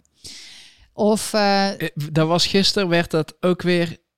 Ik vind het heel moedig dat je dat zegt, maar uh, gisteren was er ook weer iemand in de chat. We hadden een vervanger voor Jan. Ja. Jan W. Ja. En dat is uh, Jan W. is de is de criticast uh, van het kanaal. Die zijn ook welkom. Ja, ja, ja. Alleen het probleem is gewoon dat er dan je probeert dan een discussie met iemand aan te gaan, maar op het moment dat het dat je met argumenten aankomt, met feiten, dan draait het weer naar iets anders toe. Oh ja, maar dan gaan we het daar niet meer over hebben. Hop, dan pakken we weer iets anders. Als je, als je toch iemand wil steken met iets, uh, iemand de les wil leren, iemand uh, om zijn oren wil zwaaien met iets, dan, dan luister in ieder geval naar de feiten. En dan geef gewoon eerlijk toe van, nou, dit was misschien een beetje dom. Dat klopt niet. Wij hadden gisteren ook een dingetje over uh, Michiel Vos. Ja. En daar waren we ook heel kritisch op. En dat klopte ook niet. Want Michiel Vos had het niet gezegd. Ja, dat ging over uh, dat uh, hij was in een show in Nederland en uh, op de NPO bij Umberto. En wij hadden de, de superchat zo geïnterpreteerd dat Michiel Vos gezegd zou hebben dat republikeinen... Um, nee, democraat had hij toch over? Oh, ik dacht dat wij... Ik, ik had het zo begrepen in ieder geval dat democraten nu zeiden dat republikeinen, dat er allemaal satanisten en pedofielen en zo zaten. Um, maar Umberto vroeg hem aan hem van hoe kan het dat een heel groot deel van de republikeinen denkt dat een uh, eh, 15% van de democraten satanistisch is en uh, um, hoe heet het? Uh, van kleine kindertjes houdt. Ehm, ik moet heel eerlijk zeggen dat ik dat nog nooit hier op straat van iemand gehoord heb. Dus ik weet überhaupt niet waarom hij het naar boven bracht. Maar het kwam wel echt geweldig uit. Uh, het, het, was echt een gelukstreffer. Uh, als je kijkt wat Biden daarna weer... Uh... Zei over een me ja. meisje van zes jaar. Maar um, ja, we bespreken altijd alles. En totdat we bij wat wij denken de waarheid komen. En Michiel Vos is gewoon, dat weet iedereen, is de zoon van Nancy, of de um, schoonzoon van Nancy Pelosi. Dat is de derde machtigste vrouw in Amerika. Uh, dus hij weet heel veel inside info. En um, ja, dat wordt niet zo aangekondigd. Hij is gewoon US correspondent. Maar hij zal nooit iets onaardigs zeggen over de Democraten of over zijn schoonmoeder. Dat weet je gewoon al. En uh, altijd iets uh, om te sturen zodat het positief is voor hun. Want ja, hij gaat toch niet zijn eigen schoonmoeder afvallen? Of de Democraten. Dus um, ja, dat is gewoon toch eigenlijk nu propaganda. En uh, ja, het moet gewoon duidelijk zijn voor iedereen dat hij wie hij is. Er moet gewoon onder staan. Als hij ergens in beeld komt, dan moet daar gewoon, dan moet daar niet Amerika-deskundige staan. Daar moet gewoon staan schoonzoon, schoonzoon Nancy Pelosi, opiniemaker. Ja. Of propagandist of zoiets. Ja, gewoon de waarheid. Is toch niet zo moeilijk, maar waarom zeggen ze... En hij zit er ook altijd als er, als er weer positief nieuws naar buiten moet komen... of negatief voor Trump, zit hij er altijd. Dus dan moet je... Dus ik hou daar gewoon in de gaten en ik let erop. Maar um, ja, waarom wordt er niet eerlijk gezegd? Maar in ieder geval, de superchat is ook heel fijn... want dan gaan we ook dingen uitzoeken live in de uitzending... en bespreken en um, ja... En wij proberen gewoon elke dag um, hier te zien wat er gebeurt allemaal in Amerika en in uh, Nederland. En ik had gisteren ook um, live chat hadden we een video gewoon van wat, wat er allemaal, uh, ja, wat ik deze week had gedaan. Het was. Wil je die misschien nog een keer laten zien? Ja, ja, ik doe altijd special dingetjes ook. De Engelse chat, maar we delen die ook met jullie. Ook omdat jullie allemaal nog aan het kijken zijn. Heel leuk. Dus gaan we er nog een keertje afspelen. Um, nou, daar komt hij. Ook voor de mensen die nog niet hebben gezien. Dan gaan we gewoon verder praten. Het is gewoon heel lekker weer. Oké, dus dit is een korte intermezzo, zeg maar. Ja, het is heel lekker weer. Kan iemand ook even, als ze het al gezien hebben, even een kopje thee pakken of zo. Heb je een paar minuten tijd. En, uh, maar in ieder geval, ik zei dat alles heel duur wordt. Hè? Ook hout bijvoorbeeld is heel duur. Al die terrassen hier buiten, wat ik in het begin zei, dat jullie zaten allemaal binnen mogen, restaurants mogen niet open. Hier zit iedereen al maanden, de hele winter vorig jaar in dit soort hokken. En soms zijn de deuren zelfs dicht. En er is, New York heeft super lage COVID-aantallen nu, dus heel erg omlaag. En mensen zijn gewoon, hebben er het beste van gemaakt. Dus er zijn wel veel restaurants ook failliet, maar je ziet de hele stad best gezellig is. En ik weet niet of je het geluid hoort, maar er is een, uh, hoor je het geluid Dirk? Eh, heel zachtjes. Ja, dus er was. eh, kinderen zitten weer op- hoe zeg je dat? eh, sporten. En er zijn weer ouders bij en heel veel publiek. En niemand vraagt of je gevaccineerd bent of niet. Maar er zijn dus ook mensen die waren dus aan het trommelen met de doedelzakken van de Schotse, Schotse doedelzakken. Super lawaai. Ik was echt helemaal doof. Maar ehm, ja, die zie je dadelijk wel. En het leven gaat gewoon hierdoor. Ik, ik, mensen denken dat wat er in Nederland is gebeurd normaal is. Dit is niet normaal. En Rutte kan het weglachen en Hugo de Jong kan allemaal de blitz doen. Het is niet normaal. Wat zij in Nederland hebben aangedaan is niet normaal. En ja, mensen hebben puppies, zoals je zag. En eh, mensen hebben kinderen die lastig vallen, eh, die lastig zijn. Ehm, iedereen staat zonder masker bij elkaar. Je ziet het gewoon. Het leven gaat gewoon door. Veel vuilnis op straat, dat klopt. Eh, hier wordt het drie keer per week opgehaald. Dus je zet het drie keer per week buiten. Eén keer in de week recycling zet je buiten neer. Dus je hoeft niet ergens naartoe te lopen, je zet het gewoon buiten. En dan heb je, elke straat heeft zijn vaste plekken. Er is heel veel kunst hier. Er is ook veel crime nu. Dus mensen vragen altijd, hoe is het hier? Nou, er zijn heel veel leuke momenten gemixt met eigenlijk veel ergere momenten. Eerst was het best wel rustig en druk. En altijd wel gezellig. En nu is het heel erg gezellig. Picknicks en mensen die lokaal, dus geen toeristen. Nou, het is wel heet, dus Ben moest wel water eh, krijgen. Dus daar zorgen we goed voor. Eh, dat is ons kind, hè. Maar aan de andere kant is er ook heel veel crime in New York. Dat is echt... Nou, wat was het vorige week? Was ik deelgenoot eh, of zat ik midden in een gewapende overval? Ja. En deze week, wanneer was dat? Eergisteren? Toen was ik twee uur, er was een, eh, een of andere release, product release ergens. En ik, ik stond dat te kijken, want het was echt super druk. Stond wel 300 man op, op een of ander kort broekje te wachten waar uit zou komen. En ik heb een beetje met die mensen gepraat eh, en, en ik was weg. En twee uur daarna was daar blijkbaar een schietpartij. Ja, dus eh, ook hier in de buurt allemaal schietpartijen en zo. Daar hoop je natuurlijk niet bij te zijn. Maar ze zijn hier ook allemaal aan het filmen. Dit is de Marvelous Mr. Maisel. En iedereen doet nog wel een masker op en zo. Eh is een beetje nu voor de schijn, vind ik toch wel. Want ze doen dan wel make-up, zoals je ziet. En dan moet een masker weer op. En ze gaan dus... Dit is een tv-serie. Ik weet niet of je die hebt gezien. Maar die wordt dus hier in New York opgenomen al jaren. En eh het gaat over Mrs. Maisel. En zij... Het speelt zich af in de jaren 50. Een hele mooie oude 50 jaren kleding en dingetjes. En nu waren ze dus bij een theater aan het filmen. Dus waarschijnlijk gaat ze daar optreden, denk ik, in een nieuwe serie. En ehm, ik vind die serie helemaal geweldig. Want ik hou echt van die eh, ja, foto's van vroeger en films van vroeger met die kleding en zo. Maar hier zie je ook mensen staan weer heel veel in de rij. Dus waar Dirk het net over had. Over dat hij langs zo'n rij liep met mensen. Dat was een andere rij als deze. Maar je hebt heel veel mensen die nog steeds veel geld hebben om wachten op dure kleding die er is. En eh, we staan met buren te kletsen en mensen op straat heb je heel veel. Dit is dus eigenlijk al, nu is het wel warmer weer. Maar dit is gewoon hoe het al maanden is. Heb je dat geluid daar wel uitgezet? Ja, Want eh, dat anders krijgt de YouTube weer een strike omdat we dan muziek van de achtergrond afspelen en zo. Nou, Been die was helemaal blij mij te zien.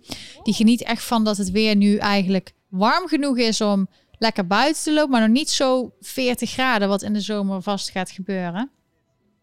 Maar heel veel vintage heb je hier in zo ook. Mensen in het weekend hebben ze allemaal leuke kraampjes en zo. En eh, ja, mijn hond is echt. eh daar, hierachter ligt hij. Misschien komt hij straks nog even een keer naar boven ligt lekker te slapen. Ja, ik snap ook niet dat Nederlanders het niet pikken, maar of Nederlanders het pikken. Maar zoals je ziet, zijn er toch veel mensen die door blijven protesteren. En Rutte heeft nu nog geen kabinet. Maar let maar op, als hij daar geen kabinet is, dan wordt er weer heel hard opgetreden tegen mensen die protesteren. Het is nu omdat hij even geen, weet je wel, macht heeft, dat hij eigenlijk er niet doorheen kan drukken. Want anders had je weer zo zwaar, ik denk ik in ieder geval, dat die politie weer zo raar doet. Of Amnesty, die hadden we deze week gevraagd ook van... hey, hoe staat het met onderzoek? Want jullie hebben gezegd dat er zoveel excessief geweld was... bij de protesten in Den Haag. Hoe staat het met het onderzoek? Hoor je ook niks meer van. Maar ze hebben... Nederland heeft altijd zo'n grote mond over andere landen... terwijl ze zelf gewoon heel veel dingen fout doen. En ik haat mensen die allemaal vingertje wijzen... terwijl ze zelf, dat heet hypocriet zijn... dat ze zelf een grote puinzooi van maken. Dus je moet niet vingertje wijzen als je zelf ehm, ook problemen veroorzaakt. Dat geldt voor iedereen. Ehm, want ik zag bijvoorbeeld ehm, ah, Ik zag bijvoorbeeld... een nieuwe chat, een nieuwe superchat, een nieuwe VI deal. Oh, daar gaan we het dan ook eens even over hebben. Want je zegt iets heel interessants. Je zegt, Volgens mij staat hij op jouw lijstje, of niet? ja, staat ook op mijn lijstje. Tenminste, niet op. Ik heb er niet. Ik heb er altijd wel over. Je zegt trots op Facebook-medewerker die uitkomt voor zijn eigen idealen. Project Veritas.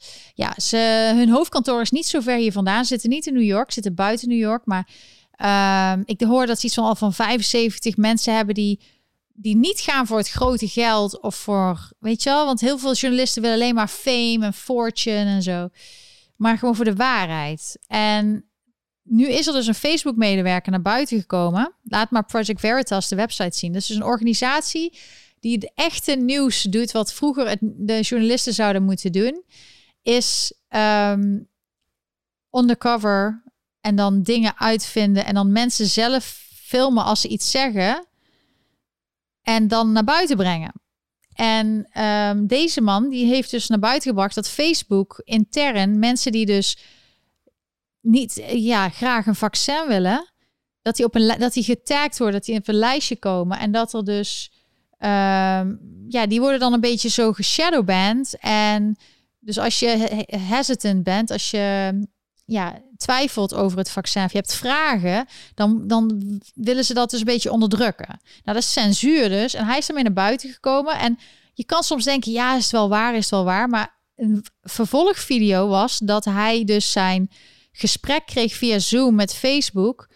Dat hij dus ontslagen werd. En toen kwam die James O'Keefe, die de founder van eh, Project Veritas, die kwam binnen. Die wilde iets vragen, maar toen zette het snel uit. Alleen die vrouw was zo slim om nog te zeggen: dit is een gesprek tussen ons als werkgever en werknemer. Dus er was gewoon bewezen dat het dus gewoon waar was, alles. Kom me bekend voor. Ik had precies hetzelfde van de week. Wat dan? Vertel. Toen met de community board meeting. Ja, jij had een... Jij had Toen een had ik ook een vraag. En die, daar waren ze ook niet van gediend. En dan word je ook uitgezet. Ja, dan zetten ze Knopje je uit. microfoon uit. Ja, dat is dus gewoon wat ze doen. Maar in ieder geval Project Veritas, ik zeg het elke week, die hebben heel veel... Elke week komen ze wel met iets nieuws naar buiten. Eh, het is ook een eh, jonge gast, die James O'Keefe. Die is zelf ook, hij gaat volgens mij zelfs in een theaterstuk spelen. Hij heeft zoiets van, wij gaan alles helemaal opschudden. Ik wil dat er meer mensen, want bijvoorbeeld theater en Hollywood, dat zijn allemaal democraten. Die zijn heel erg met hun eigen ideeën. Dus wat wij gaan doen, wij gaan. En hij is dus gevraagd door iemand om in een theaterstuk te spelen. eh, ergens in midden van Amerika. Eh, en dan gaat hij een paar weken doen. En dat is ook leuk. In plaats van vakantie kun je zoiets doen. Maar om, om gewoon alles op te schudden. En daar hou ik zelf ook van. Gewoon, als je naar theater gaat, kijk naar ja, mensen die, die bij jou passen, die, die je wilt steunen. Niet meer zomaar iets klakkeloos aannemen. Ehm, dit geldt voor tv-shows, films, producten. Ja, doe een beetje meer onderzoek van zijn dit mensen waar je achter staat. Ehm, want zij doen dat ook bij hun eigen mensen. Dus wil je dat jouw mensen die uitkomen voor hun stem ook gesteund worden en het redden, dan moet je die steunen. En deze man van Facebook, daar hebben ze een ehm, go, eh, zeg je dat, een ehm, eh, crowdfunding campagne voor opgezet. En binnen twee dagen, ze wilden 500.000 ophalen, omdat in Amerika is het gewoon heel duur. En hij moet gewoon zijn gezin onderhouden.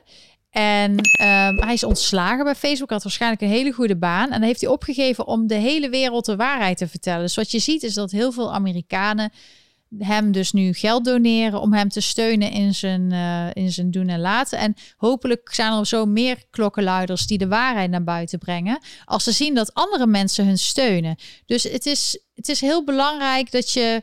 ehm, dat je gewoon, al is het maar een klein beetje of weinig of veel. Als jij echt vindt dat iemand iets goeds doet of een goed product, doe het daar en ga niet zomaar meteen alles bij eh, de grote kanalen halen. Ik probeer dat ook echt zoveel mogelijk te doen, omdat ze anders niet overleven en ze kunnen anders niet meer gewoon zeggen wat ze willen, want het schaadt hun in hun. eh, in hun zaken. En je ziet ook heel veel mensen nu die rechtszaken beginnen. Bijvoorbeeld Ehm dus Astrid, dankjewel voor die comment.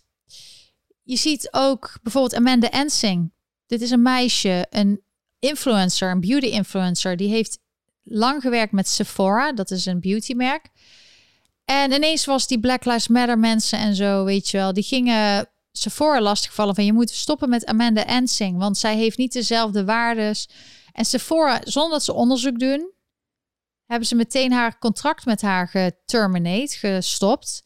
Omdat zij dus Trump steunt en zij is een um, Christian. Ze is dus uh, christelijk. En um, zij heeft dus christelijke waarden en normen. Daar zo kwam ze ook voor uit. En ze heeft niks fout gedaan. Ze heeft niks fout gezegd. Maar ze wilde gewoon haar niet meer om waar zij voor staat.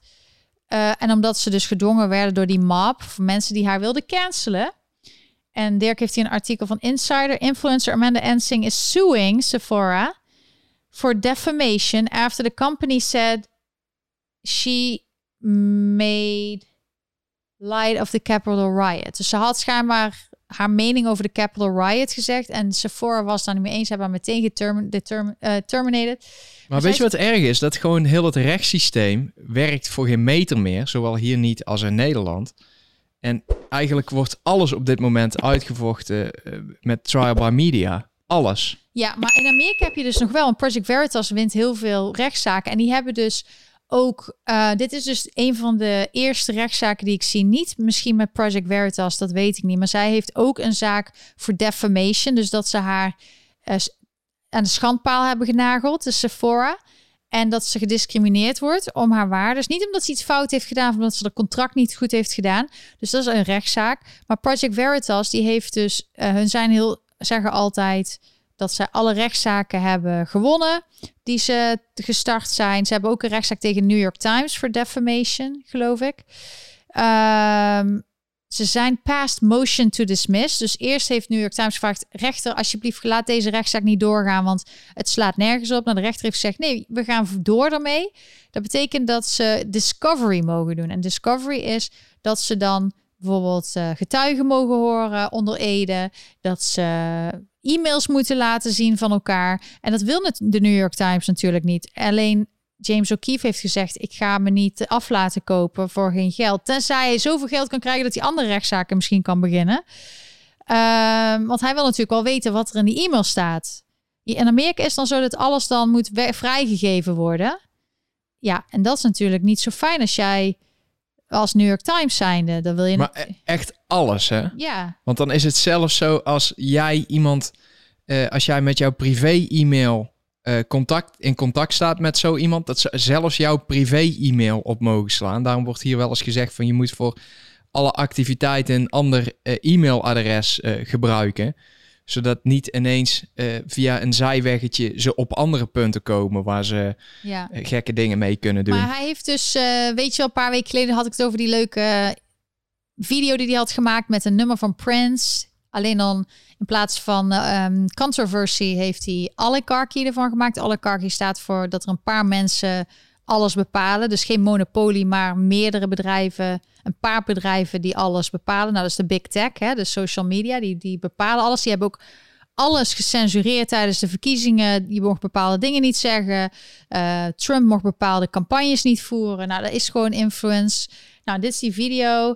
En uh, hij is dus nou bezig om allemaal rechtszaken te, te doen. En uh, tegen die cancel culture, dat je dus als jij dus defame bent Daarom vraag ik me af of Amanda Ensing via hun is of dat er via iemand anders is. Maar als jij dus zo aangevallen wordt door zo'n groep en je, je contract wordt ontbonden, terwijl en je wordt publiekelijk aan de schandpaal genageld. Uh, en het rare is, Amanda Ensing is ook nog een Latina. Dus die is, ja, een minority. En die wordt dan aangevallen door mensen die zeggen: wij komen op voor de minorities. Ja, het, het is helemaal, het is net als met die rechtszaak met die moeder die dan uh, African American is met een blank of een wit, uh, zeg je dat, een blank, blanke zoon of lichttinte zoon, die dan een rechtszaak moet doen omdat haar zoon anders wordt behandeld. Het is mensen helemaal gek geworden.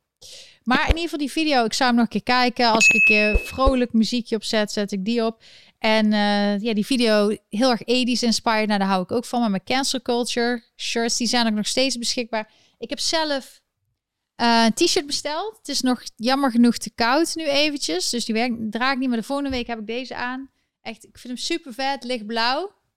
Cancel, cancel culture. Dit is maat S en die past mij perfect. Hij is iets lichter als op de foto. Maar ja, de kleuren zijn heel mooi geprint. En dit is ook een manier om mij te steunen. Dus ik zou zeggen, hou je van de 80s. En uh, je moet in de microfoon blijven praten. Oh, Even een stille, niet zo'n stil. Ja, met dat t-shirt. Geweldig. Fantastisch. Nee, maar dat is dus. ehm, ja, ik blijf doorgaan en ik bestel die dingen zelf ook, omdat ik mezelf steun. Maar ook omdat ik het een mooi t-shirt vind. En eh, ik sta ervoor. Cancel, cancel culture. Caitlyn Jenner heeft Nee, trouwens. nee, ook- nee. Nee, nee, nee. Wat? Even wachten. Je gaat veel te snel. Want we hadden een heel mooi bruggetje van de ene onderzoeksorganisatie, Project Veritas, in de andere. Ja, En die is weer richting een eh, superchat via Ideal.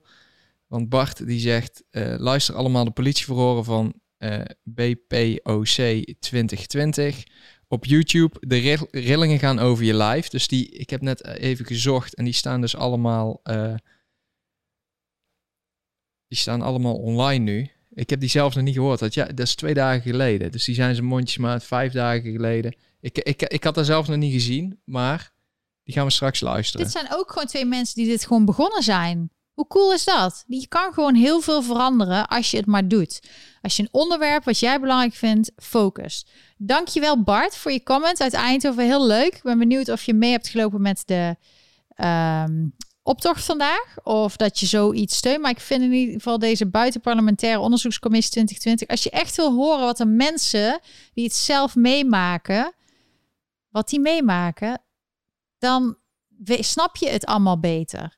En ik zeg ook altijd, het is niet de politieagenten die over de schreef gaan. Ja, sommigen gaan ook over de schreef.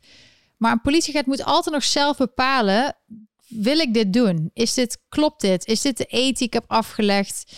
Ehm, en sommigen gaan er overheen, die denken dat het mag. Maar uiteindelijk is het de burgemeesters en de politieleiding die dit veroorzaakt er zijn heel veel individuele politieagenten die het goede willen doen. En die voelen zich heel erg gefrustreerd. En die willen eigenlijk een baan houden, want ze willen gewoon inkomen houden. Ze willen niet ontslagen worden. Ze hebben ook een gezin waar ze voor moeten zorgen. Dat is ook hier in Amerika zo. Ehm, maar ze worden in een moeilijke parket gebracht. En in Amerika, zoals hier in New York, zijn heel veel politieagenten gewoon opgestapt. Die hebben zoiets van, ja, mijn eer is belangrijker. En in Nederland zijn mensen wat bangiger. Dus die willen gewoon een hypotheek houden. En Maar dat snap ik niet, want in Nederland, vooral als je ambtenaar bent, maar ook als je gewoon werknemer bent in het algemeen, je bent gewoon veel beter beschermd dan hier. Dus ik, ik snap niet zo goed waarom, dat, dan, waarom de, dat ze daar dan toch voorzichtiger zijn dan hier.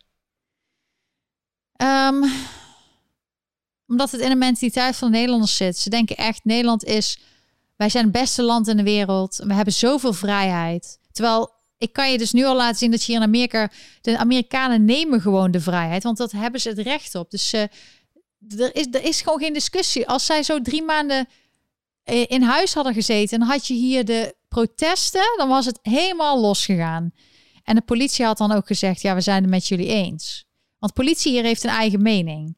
Alleen hier heb je dus weer het probleem dat de politie niks meer mag doen. Dus in Nederland doen ze juist zeggen dat ze allemaal geweld moeten plegen en koppen moeten inslaan. Als je naar die getuigen hoort, echt belachelijk wat er allemaal gebeurt. Dat er allemaal seksuele intimidatie is of intimidatie of angstcultuur en zo. Maar in Amerika is het juist dat heel veel wordt gezegd tegen de politie, je mag dit niet meer doen. Dus dan heb je hier juist echte criminals en die, daar mogen ze niks tegen doen. Dus die politie is ook gefrustreerd hier. Dus ze willen eigenlijk wereldwijd, de hele politie eigenlijk, die lokaal de mensen kent en zo, die het juiste willen doen, die willen ze eigenlijk weg hebben. En wat willen ze dan? Eén groot leger of één groot iets met mensen die geen band hebben met de communities? Of wat is het idee? Nou, wat het idee hier is, Dirk, jij vertelde mij dat van de week, is dat ze private security willen. Dus ze zijn hier heel erg aan het pushen naar dat het, omdat de politie mag niks meer doen, dat iedereen maar private security gaat eh, boeken. Nou, welke mensen hebben daar het meest last van? De mensen die nu allemaal defund de police roepen en eh, die allemaal Black Lives Matter roepen. Want de arme wijken, waar het meeste geweld is, die hebben het meeste politie nodig. Maar die kunnen geen private security eh, betalen. Dus wat gebeurt daar? Ja, dan weet je zelf al. Nou, maar dit kwam dus ook weer vanuit Silicon Valley. Volgens mij hebben we er vorige week al heel even over gehad. Uh, dat ehm, dit is die app, Citizen, die kun je ook downloaden. kun je zien wat er om je heen speelt. Is dit ook in Nederland? Uh, durf ik niet te zeggen. Um, ik, denk, ik denk het haast nog niet. Uh, want die zijn hier dus het aantal incidenten wat gemeld wordt echt flink aan het opvoeren de laatste tijd. Nou heeft het ook te maken met het feit dat de criminaliteit gewoon flink omhoog gaat.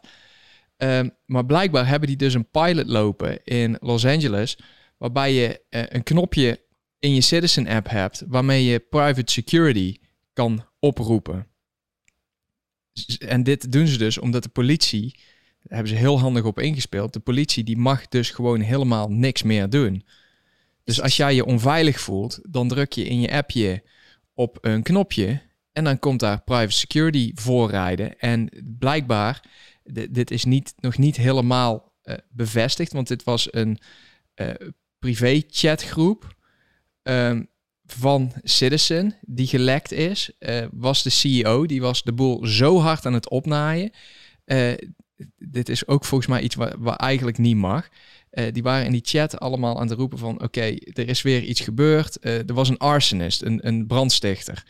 Um, en hij wilde, die, die CEO van Citizen wilde die man pakken. Dus hij zegt 10.000 dollar voor degene uh, die mij deze man kan leveren. Of de tip kan leveren over waar hij is.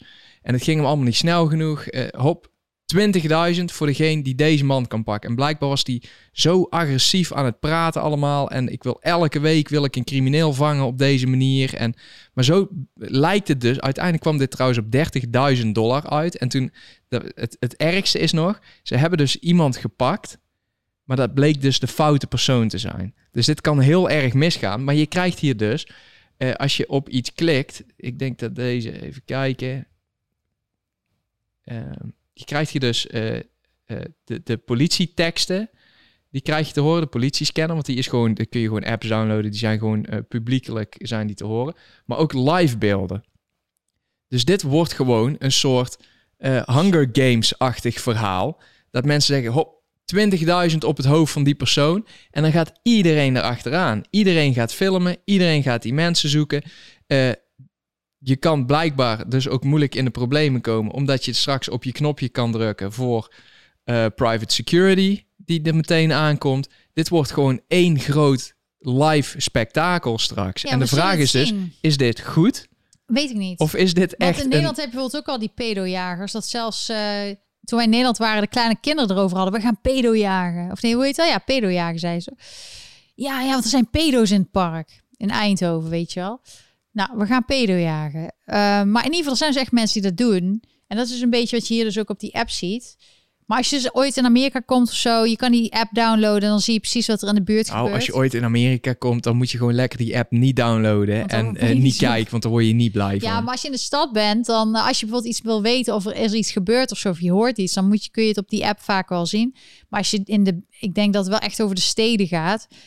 Um, de steden die vooral, veel steden waar problemen zijn, zijn gewoon door de democraten. Die willen allemaal alles met social workers. En er was net weer een moordenaar die mocht vrijkomen. Normaal moet je beel betalen. En hoe erger, je erger wat je hebt gedaan, uh, hoe hoger het is. Maar die hoeft maar 1 dollar te betalen om dan vrij te komen. Dus het is echt, echt. Oh, politie hier is heel gefrustreerd. De echte criminelen komen er gewoon mee weg. Um, ja, en het is uh, andere plekken in Amerika zijn juist weer de citizens aan het versterken. Dat, dat ze bijvoorbeeld. Ik zag dat governor Abbott van Texas die wil dat mensen unlicensed guns wil dragen, bij zich mogen dragen. Um, dus uh, ook bepaalde dat de Second Amendment en zo. De, dus de lokale staat zijn heel erg bezig met, met de wetten en regels vaststellen. Of het nou is over inderdaad hoe je jezelf kan verdedigen. Um, ook critical race theory, als dat mag of niet. Vaccinatiepaspoorten, of dat mag of niet. Nou, er zijn al iets van 13 of zo staten die hebben het al verbannen. Uh, het kan best zijn dat dit uiteindelijk, dit hele spelletje waar al die mensen die eraan meedoen, dat het gaat vallen. Maar ze willen dat je geen, uh, dat je het niet meer in gelooft. Dat je. Wat vind jij van de Second Amendment, uh, Lonneke? Dat je defeat Um, Eh, ze willen gewoon, hoe noem je dat in Nederlands? Dat je defeated bent. Dat Verslagen. Je, dat je je verslagen voelt.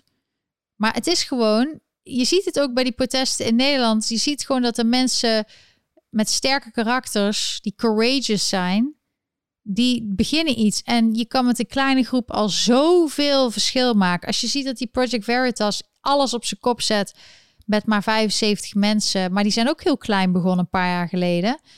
Ehm, als je ziet dat die protesten in Nederland, dat er maar een paar mensen waren in het begin en dat het nu al zo groot is, dat iedereen er eigenlijk van weet dat er allemaal nieuwe initiatieven zijn met de gele uh, paraplu's en de buttons van Moederhart en uh, Kracht van het Hart en andere initiatieven, BPOC, allemaal dat versterkt elkaar.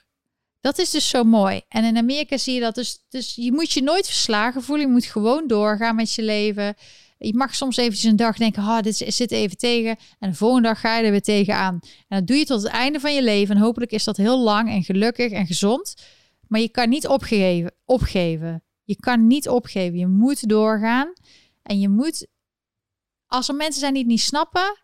Ik zeg ook altijd bij Organize Your Life, Organize Your Relationships. Dan zeg ik altijd ga, soms heb je even geen contact met mensen, omdat je even niet op elkaars, ja, zeg je dat, level zit.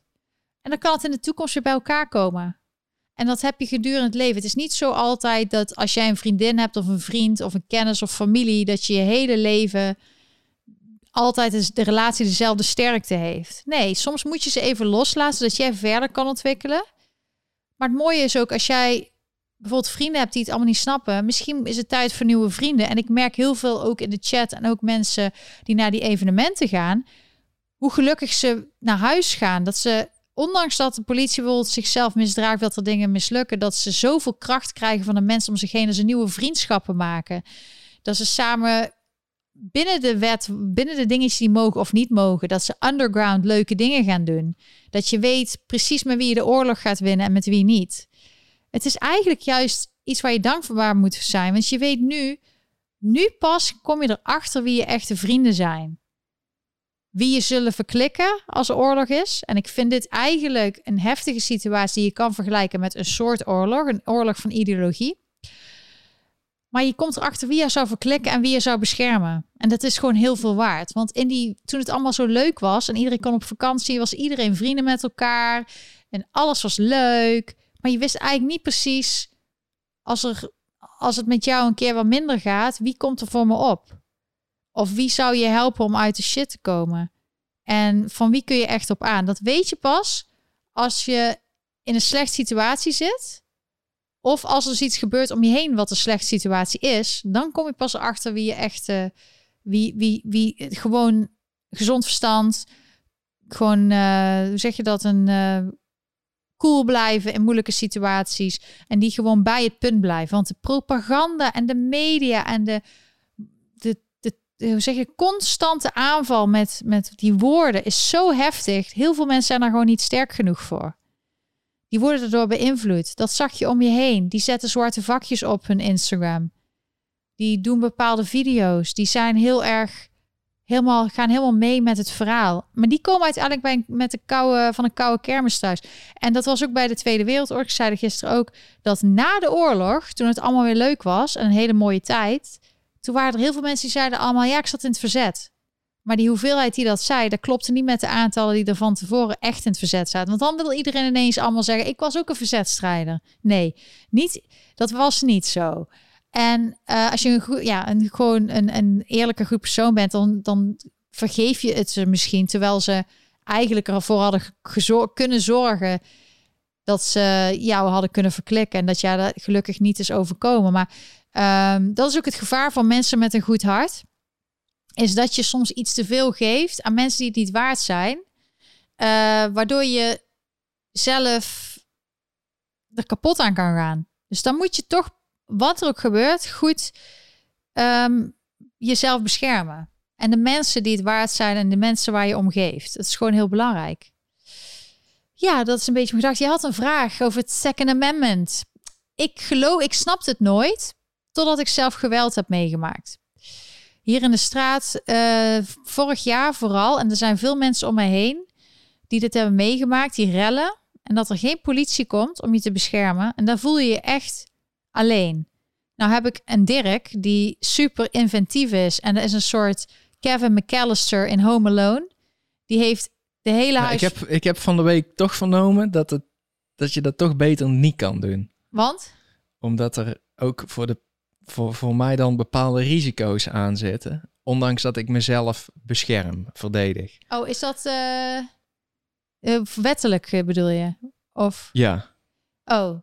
Maar in ieder geval, wij... we zullen er nog niet verder over uitweiden, maar we hadden onszelf heel goed beveiligd. Ja. Ehm, we hadden gewoon zoiets van, we moeten, je moet iets. En met de buren, we hadden gewoon de hele buurt, hadden we eigenlijk afgesproken van, je moet jezelf beschermen. En er waren al mensen oh, I'm gonna get a gun en zo. En er waren ook democraten en mensen waarvan je het niet verwacht. Die ineens allemaal zeiden, ja, ik vind het echt belachelijk. En dagen achtereen. Als je dat meemaakt, dan snap je pas waarom je, waarom mensen zijn die gewoon een schietcursus gaan doen en die gewoon concealed carry of die gewoon eh, om zichzelf te beschermen een eh, geweer hebben. En dan kun je jezelf beschermen tegen de idioten. Ehm, dat was gewoon heel duidelijk. Dus ik snap het gewoon heel goed. Ik vind het zelf heel eng. Maar ja, als je ziet dat er steeds meer ook in New York zo mensen zijn die crimineel zijn, die de- het gebruiken voor het verkeerde.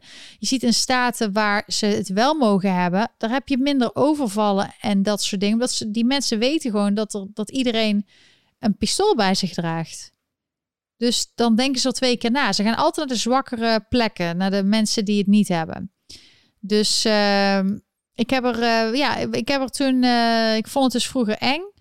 Maar ik heb er nu dus een heel andere mening over. Gewoon als je het zelf meemaakt en waarom. Ehm, ik snap ik die Amerikanen echt heel goed. En er zijn zoveel mensen met eh, geweren hier in Amerika. Echt heel veel. Dus ja, en zo, als je dat dan vergelijkt met hoeveel geweren er zijn, hoeveel mensen geweren hebben, vergeleken met eh, het aantal doden, schietincidenten. En als je er ook nog in gaat kijken hoe het komt, waar het aan ligt, dan krijg je een heel ander beeld over de Second Amendment. Dus ik sta, ik sta achter de hele Constitution, de, eh, de manier hoe het. Ik denk dat het heel slim geschreven is door die voorvaderen. Ehm, dat het Amerikanen beschermt. En het is altijd gevaarlijk als mensen de grondrechten en grondwet gaan aanpassen, wat hier dan de Constitution is. Je ziet dat ook in Nederland, dat ze dan ineens wil zo'n Rob Jetten, die wil ineens eh, Europese grondwet in de Nederlandse grondwet. Weet je nog, die grondwet waar de Nederlanders met drie kwart of twee, twee derde tegengestemd hadden, maar die, die eh, Rutte met een inlegvelletje toch erdoor heeft gepusht. Nou, die moest dan ineens weer in de Nederlandse grondwet. Het is gewoon heel gevaarlijk als je in een grondwet gaat, eh, iets mee gaat veranderen. Dus ik hoop echt dat de Amerikanen gewoon, ja, die blijven beschermen. Dat is een beetje hoe ik er nu in sta. Misschien denk ik er over een tijdje weer anders over. Maar eh, ik snap ze gewoon wel. Ik snap het wel. Ehm, ja, want bijvoorbeeld, je had het ooit een keer verteld over Zwitserland. Dat bijvoorbeeld in Zwitserland heeft iedereen ook een geweer. Toch? in ieder geval, iedereen die uit dienst komt, die eh, moet zijn geweer houden, zeg maar. Zodat als er stront aan de knikker is, dat, eh, dat je je kan verdedigen. Maar daar hoor je nooit iets over over Zwitserland. Nee, want volgens mij is het zelfs zo, eh, heb ik een keer gelezen, dat, dat de gun laws daar ongeveer gelijk zijn aan die in Amerika. Ik zie een superchat van Dick. Welkom, je bent er weer gezellig. Je zegt, kunnen non-citizens ook een beroep doen op de Second Amendment? Met andere woorden, mogen ze op grond van de Second Amendment een wapen bezitten? Ja, je mag Antwoord is ja. zes maanden nadat jij... Dan moet, je moet wel een green card hebben. Dus als je op een visum zit, dan mag dat absoluut niet. Als jij een green card hebt, dan eh, word je dus helemaal gescreend door... eh, of afhankelijk van je achtergrond, eh, gewoon de, de immigrations of zelfs door de FBI. Ehm, en dan mag jij, als je jezelf zes maanden goed hebt gedragen, heb jij in principe hetzelfde recht. Dus dan mag je een, een, een license aanvragen, een gun license. Zelfs hier in New York, in New York State en zelfs in New York City mag jij gewoon eh, een concealed carry license aanvragen. Ja, dus eh, voor al die green card houders, Nederlanders die ook hier kijken, eh, die mogen dat dus ook. Het is hier wel moeilijk hoor. In upstate is het, is, het, is het wel eenvoudig, of relatief eenvoudig in vergelijking met de stad. Maar hier moet je echt aantonen dat er een. eh, eh, dat je leven in gevaar is of een, het leven van iemand, van een naaste in gevaar is, eh, waar jij verantwoordelijk voor bent, dus die jij zou moeten beschermen, zeg maar. Dus dan moet je ook aantonen dat, er, eh, eh, dat je doodsbedreigingen hebt gehad of dat er, er voor jou gewoon een risico is om op straat te lopen. Daarom heeft volgens mij heeft Donald Trump ook een, een, een license voor, zelfs voor New York City. Tenminste, ja, ging dit is toen een rond. disclaimer ook voor Ja. YouTube, want ik weet dat YouTube die wil nooit dat we over over eh, geweren over de ook- Second Amendment nee, praten. maar ik praat gewoon over Second Amendment en ik dat is gewoon de wet hier en daar dat begrijp ik. En ik sta achter de Constitution. En eh, naarmate ik langer hier woonde, en ik was vroeger heel erg zo Obama en Democraten en zo, hè, dat weten jullie.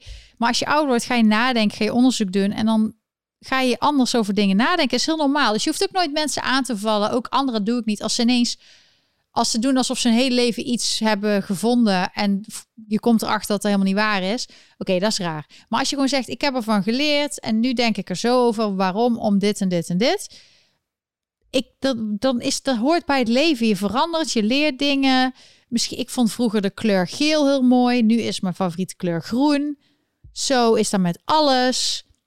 Ja, ehm, het is eh, je. Vroeger vond ik Nederland super leuk, want toen wist ik allemaal nog niet wat ze allemaal uitvraat en hoe ze Nederlands kapot maakten. Nu denk ik er wat anders over. Zo ik, vind, ik ben een voorstander van de Second Amendment. Ik vind niet dat een overheid een geweldsmonopolie moet hebben. Dat vind ik echt, echt levensgevaarlijk. Als dat zo is. Want mensen zijn en blijven mensen. En je kan niet altijd van de goedheid van iemand uitgaan. Eh, macht stijgt soms bij mensen naar het hoofd. Daar zie je de laatste jaren zie je daar heel erg. Ja, in Nederland ook. En dan vind ik gewoon, ik vind wel dat er, dat er hele strenge regels moeten zijn omtrent de. eh, eh, je moet het eigenlijk net en als. ook eh, je moet, straf, hoog straf. Als het misgaat, als er iets fout gaat op jouw schuld, dan natuurlijk moet daar wel gewoon. Dirk zegt, je interpreteert maar. ja, ik vind gewoon dat het hetzelfde moet zijn als met vliegen. Je moet gewoon je vlieguren maken. Je moet je schieturen maken. Je moet misschien zelfs elk jaar een evaluatie doen van of je wel helemaal eh, alles op een rijtje hebt. Maar ook kijken hoe, hoe jouw privé-situatie op dat moment is. Want er zijn ook mensen die soms uit een relatie komen of zo en ineens helemaal Doordraaien. doordraaien of wat dan ook. Ik vind echt dat, je, dat, je, dat daar veel betere controle op moet zijn. Maar ik vind absoluut niet dat een overheid het, een geweldsmonopolie moet hebben. vind ik belachelijk. En ik vind het heel belangrijk. Ehm, we hebben nu over geweren, maar er zijn andere manieren hè, om, om gevaren af te doen. Ehm, ik heb een hond en vrouwen met honden, die worden gewoon minder snel ook lastiggevallen. Eh, dus ik zeg altijd tegen iedereen, wil je het gewoon, ja, wil je jezelf beschermen? Neem een hond en zorg dat hij heel goed getraind is en loyaal hem goed voor zorgt. Want hoe beter je voor een hond zorgt, hoe meer die eh, je zal beschermen. En ehm, dus ik zeg al tegen vrouwen van als jij bang bent of iets, neem een hond. Want het is ten eerste hartstikke gezellig. Maar ook, ja, die, die, mijn hond waarschuwt mij als er rare mensen rondlopen. Dan zie je gewoon aan zijn gedrag dat hij die in de gaten gaat houden. Dan weet ik al, oh, daar moet ik opletten. Dus eh, er zijn meer manieren om, als je je onveilig voelt, om eh, ja, jezelf toch... eh, Kijk, ik heb hem voor een andere reden. Maar het is een mooie bijkomstigheid. Het heeft me wel heel veel over honden geleerd. En wat de voor mooie... afschrikwerking. Ja, mooie. En ook dat, dat sommige mensen die je toch al niet dicht bij je buurt wil hebben, die zijn er, die, die zijn er bang voor. Want die weten, ja, de honden kunnen altijd precies zien wat voor intenties mensen hebben. Dat zei ik van de week nog bij Whole Foods. Van de security. Ik zie, moeten daar allemaal een hond hebben. Want daar, wat ik daarmee maakte, was ook weer bizar. Wat ging- maakt je mee? Nou, ik ging gewoon boodschappen doen. Ja? En ineens hoor ik alle cashiers schreeuwen: daar gaat hij, daar gaat hij, daar gaat hij. Gewoon alle vier tegelijk. En ze hadden lol, jongen. Niet normaal. Oh, En- het was echt een soort kat-en-muisspel. Ja, nee, echt. Dit is 100% kat en muisspel. Want de Blasio heeft hier dus alle regels veranderd. Dat als je voor shoplifters en zo, daar, daar wordt eigenlijk bijna niet meer tegen opgetreden. Dus die worden eruit gezet, eh, die, die worden niet meer vastgezet, geen boete, helemaal niks. Eh, dus de, de dakloze mensen, die hebben dat trucje, die hebben, die hebben het door. Eh, en de meeste dakloze mensen zijn heel netjes, begrijp me niet verkeerd. Maar er zijn echt een aantal eh, Die maken misbruik van Ja. alles. dus wat, wat die mensen dus doen, dus ze kunnen Uh, Whole Foods kan niet meer de politie bellen om die mensen uit te zetten, zelfs niet als het om een veelpleger gaat, zeg maar. En daar weten die mensen ondertussen. Ehm, dus de security is continu uh, de uitgangen in de gaten aan het houden. En die mensen aan de kassa, die riepen dus, hey, daar gaat hij, daar gaat hij, daar gaat hij. En, en ze lachten zich kapot. Er, lopen, dus er loopt een dakloze man, of echt gewoon echt een vieze man met zijn broek op half elf. Uh, die loopt met een broek en een jas vol spullen op zijn dode akkertje naar de uitgang. En twee security mannen, die, die rennen dus naar hem toe, maar die stoppen achter hem. En die lopen gewoon op zijn tempo met hem mee. En uh, die man die kijkt naar links en rechts. En die steekt zijn handen omhoog. Van, ik doe niks, ik doe niks. Die draait om en die loopt weer die winkel in. En hun erachteraan, want uh, meteen op de, hoe heet het, koptelefoon. En hij gaat naar de andere uitgang, gaat naar de andere uitgang, houdt in de gaten. Dus ik vraag, wat, wat, wat is dit in godsnaam? Waarom pakken ze hem niet? Waarom zetten ze hem er niet uit? En dat mag dus niet. Dus die, die, die man, die, loopt al, die liep al heel de ochtend, het was 11 uur. En die liep al vanaf uh, half tien, liep hij door de winkel om te proberen of dat hij naar buiten kon glippen. Want zolang die in de winkel is, kunnen ze niks doen. Ondanks dat het een veelpleger is, worden ze door de politie worden ze niet uitgezet. Dus dit was echt gewoon uh, vermaak voor die mensen voort. Zo erg is het. Ja, ja ik zag ook bijvoorbeeld uh, die vrouw van Sex in the City, Cynthia Nixon. Zij speelde Miranda in Sex in the City. Um, zij had zich uitgesproken over dat zij, zij woont hier in de buurt en zij was naar de lokale CVS, dat is een soort uh, pharmacy, een soort etels of. Maar even wacht, ik schiet me net iets te binnen, want Whole Foods is nou van Amazon. Ja. Amazon heeft hier in New York ook uh, een Amazon Go store. Dus dan moet jij met jouw telefoon. Je komt alleen binnen als je de Amazon Go app hebt. Dus die moet je scannen. Dan mag je naar binnen. En volgens mij heb ik het wel eens eerder verteld. En alles wat je dan uh, vastpakt. Ja uh, of je het nou in je hand hebt of in een mandje of in een tas, dat maakt niet uit. Dat wordt op jouw rekening gezet en als jij naar buiten loopt, wordt het afgerekend. Dat zou echt de oplossing zijn. Dus wellicht willen ze gewoon dat dit escaleert, zodat ze dit kunnen pushen. Want dan zou die man dus inderdaad alleen met zijn Amazon Go-app naar binnen kunnen. Dat is de vraag. Ja, misschien willen ze die ook allemaal registreren. Zeg jij, je moet Amazon Go, uh, anders kun je niet naar de winkel. Ja. Dat is eigenlijk hetzelfde met de vaccinatiepaspoort. Nou, wij zijn weer even helemaal aan het brainstormen, nadenken over wat allemaal gaat gebeuren. Maar ik was aan het vertellen, Cynthia Nixon, die was in nieuws, want die had gezegd over dat, dat de lokale CVS, die heeft alles achter uh, slot en grendel nu. En um, zij vond dat stom, want het zijn mensen die hebben e-, doen eten, doen ze stelen. En die mensen moet je maar gewoon doen. En toen had die manager had uh, van die winkel had gezegd: je moet, je moet maar eens een keer langskomen. En uh, ons personeel is zo, uh, wordt zo lastig gevallen en het, zo, het is een gevaar voor ons personeel. En dat is eigenlijk het verhaal dat jij zei bij Whole Foods. Dat zei deze manager ook dat het gewoon, ja, hun het personeel is gewoon. Maar ja, Whole Foods heeft niet alles achter slot en grendel nog, maar andere winkels hebben dat dus wel gedaan. Dus het maakt de maatschappij gewoon niet leuker erop. Alles wat er gebeurt. Ik ben, ik ben wel benieuwd wanneer Cynthia Nixon voor het laatst uh, zelf boodschappen heeft gedaan. Ja, dat weet ik niet. Maar dit is een artikel op. Uh, dit was een artikel op de New York Post. Ja, New York Post gooit gewoon alles, uh, alles op zijn website. Ja, dus als je iets wil dus, vinden, New, New, York, York Post. Post. Slams, de ja, dat, dat je slop, eh, shoplifters, dus mensen die stelen, moet je maar gewoon laten gaan, zei ze zoiets. Maar in ieder geval bizar. Um, ik, we hebben weer een superchat. Dankjewel, Dick. Dank zeg je interessant dat er toch verschil is ten aanzien van, aanzien van beroep op grondrechten. Met green card wel 2A-recht, maar geen stemrecht. Enig idee waar dat verschil vandaan komt? Goede vraag. Een green card is een soort tussen moment, denk ik, van je bent wel legaal in Amerika. Je hebt alle rechten en plichten, behalve stemmen en uh, Maar je hebt geen invloed op die uh, rechten. Nee, je hebt geen invloed. Dus je bent eraan onderhevig en dat, dan vinden hun dus ook dat je al die rechten hebt. Uh, alleen de, de mensen die hier geboren zijn, die hebben het recht om daar invloed op uit te oefenen. Dus om verandering teweeg te brengen. En dat, dan moet ik heel eerlijk zeggen dat, dat, dat ik dat ergens wel goed vind. Want daar zat ik van de week nog over Zou na Nederland te denken. ook moeten doen, een green card systeem. Dan heb je niet nou, al die mensen die na vijf jaar... Uh, bijvoorbeeld die vluchteling zijn, dat allemaal te lang duurt... als ze dan automatisch een verblijfsvergunning krijgen. Dus... Uh, ja, maar dat is dus een goeie.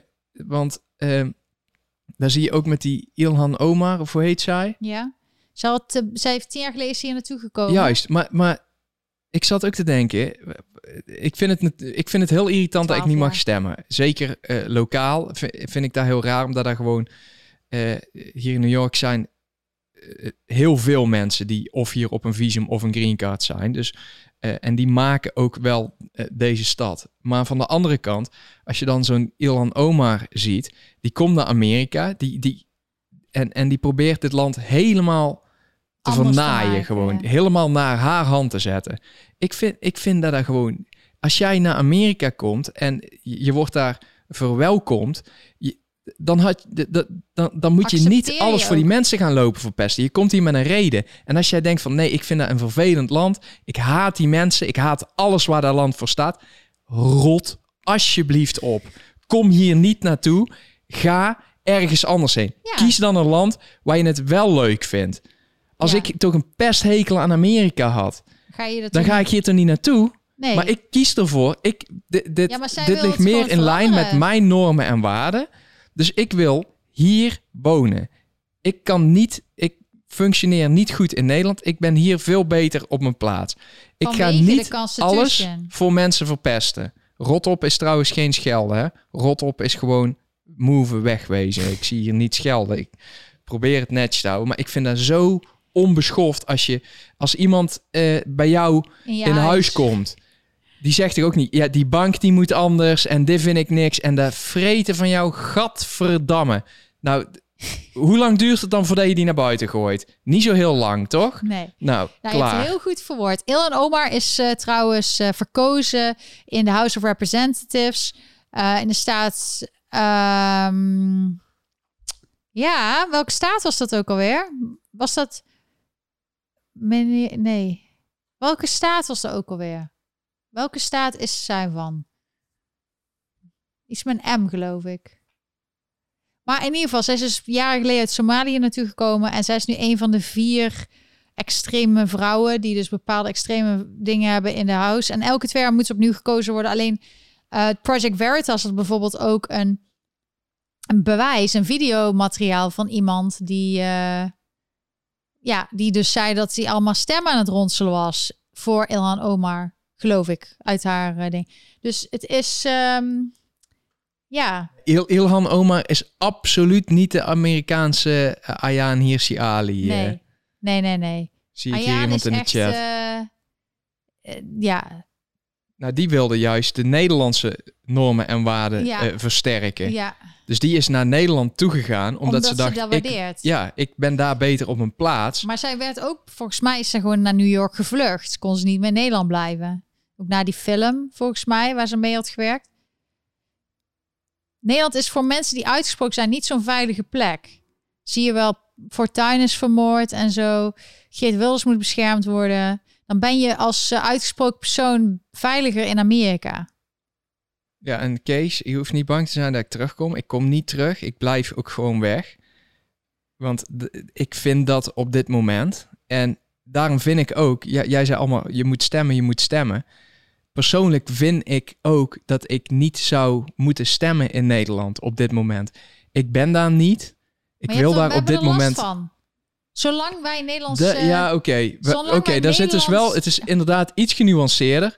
Want wij worden nog wel steeds lastig gevallen door Nederlandse Nederland. ambtenaren. ja, Die laten Dus- ons niet met rust. Dus eh, ik vind, ik vind eigenlijk dat als ik ervoor kies om naar een ander land te verhuizen en ik, ik handel alles netjes af, vind ik dat, dat, dat zou ik echt iedereen adviseren. Zorg dat je alles eh, afhandelt, dat je niks achterlaat in het land, dat je gewoon daar een punt achter zet voor je ergens anders naartoe gaat. Of dat nou tijdelijk is of voor, voor, eh, voor altijd.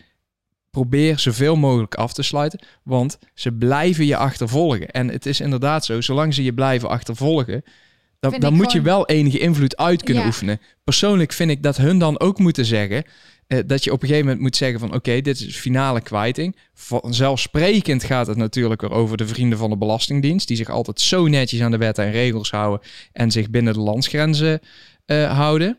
dus Ehm, ik vind gewoon dat je dan moet zeggen: ik wil graag weg. Eh, dit staat er nog open. Eh, op dat moment ben ik vertrokken. Finale kwijting. Dit ben ik jullie nog verschuldigd.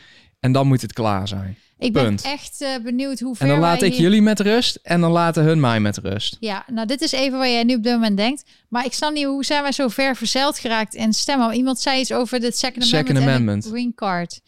Eh, en dat stemmen. Ja, ehm, het is zo. Ik ben naar Amerika gekomen. Dat zijn de regels hier. En ik hou me daar gewoon aan. En ik ga niet allemaal... Ik, ik bespreek hier de po- politiek. Ik ben zelf niet actief erin. Dus eh, ja, je accepteert, eh, tenzij ik dus Amerikaan word. Maar dat is dus weer wat ik al heel lang besproken heb. Dan verlies ik mijn Nederlanderschap, omdat Nederland discrimineert. Als ik een Amerikaan had getrouwd, mocht ik wel mijn Nederlanderschap houden. Maar omdat ik een Nederlander heb getrouwd en of ben getrouwd in Amerika, mag ik niet mijn Nederlanderschap houden. Er zijn honderdduizenden families die hetzelfde hebben. Nederlandse families die tegen worden gehouden om zich te ontwikkelen in andere landen. Maar als een Amerikaan of een buitenlander hadden getrouwd, die daarna ook bijvoorbeeld weer een Nederlanderschap kan krijgen, dan mag het wel. Maar niet om, hun eigen Nederlanders te beschermen en te helpen in het buitenland. Dus ik ben dan geen Nederlander meer. Dus dat is, vind ik een heftige beslissing, want ik ben geboren Nederlander. Ehm, dus daarom is ben ik, heb ik die stap nog niet gedaan. Maar hoe meer Dus er zou eigenlijk een soort geboorterecht zijn ja, maar dan. het punt is ook bijvoorbeeld met de COVID. Ik wilde het dus na dat gezeik met de belastingdienst doen, omdat hun gewoon onbetrouwbaar zijn. Ik denk, ja, ik, je kan niet met mensen omgaan die de wet niet volgen. Dat is gewoon. Alleen toen begon de COVID en dan ja, mag je als Amerikaan mag je niet reizen naar Europa. Dus dan kun je niet meer naar je familie. Dus er zijn allemaal, alles heeft ehm, ja, consequenties. Dus je moet heel goed, daarom zeg ik altijd tegen mensen, voordat je iets doet, denk goed na. Ga niet zomaar iets doen. Ook met die vaccinatie. Als je het eenmaal hebt gedaan, kan je het niet meer, is, ja, hoe kun je dan nog terugkrijgen? Nee, kan niet.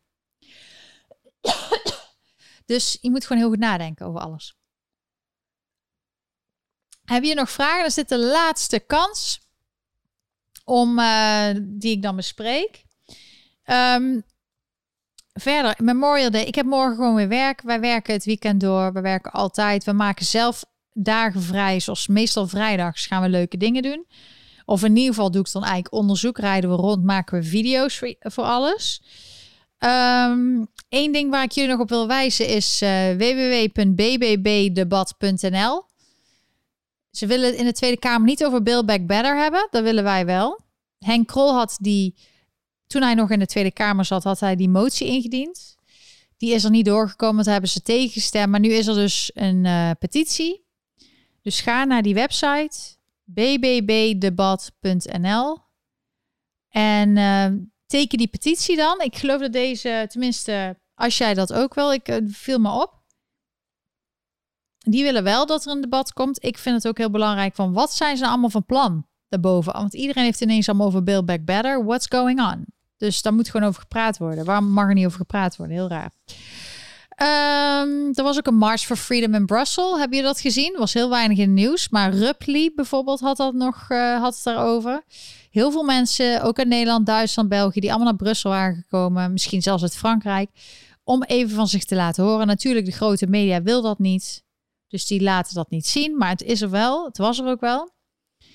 Ehm, iemand zegt in de chat dat de BBB-debat er toch komt van Henk Krol. Ik weet het niet. Eh, hou sowieso ga die petitie en zo in de gaten. En eh, dan misschien ook Henk Krol. Maar Henk Krol is niet meer in de Tweede Kamer, dus die heeft daar weinig over te zeggen.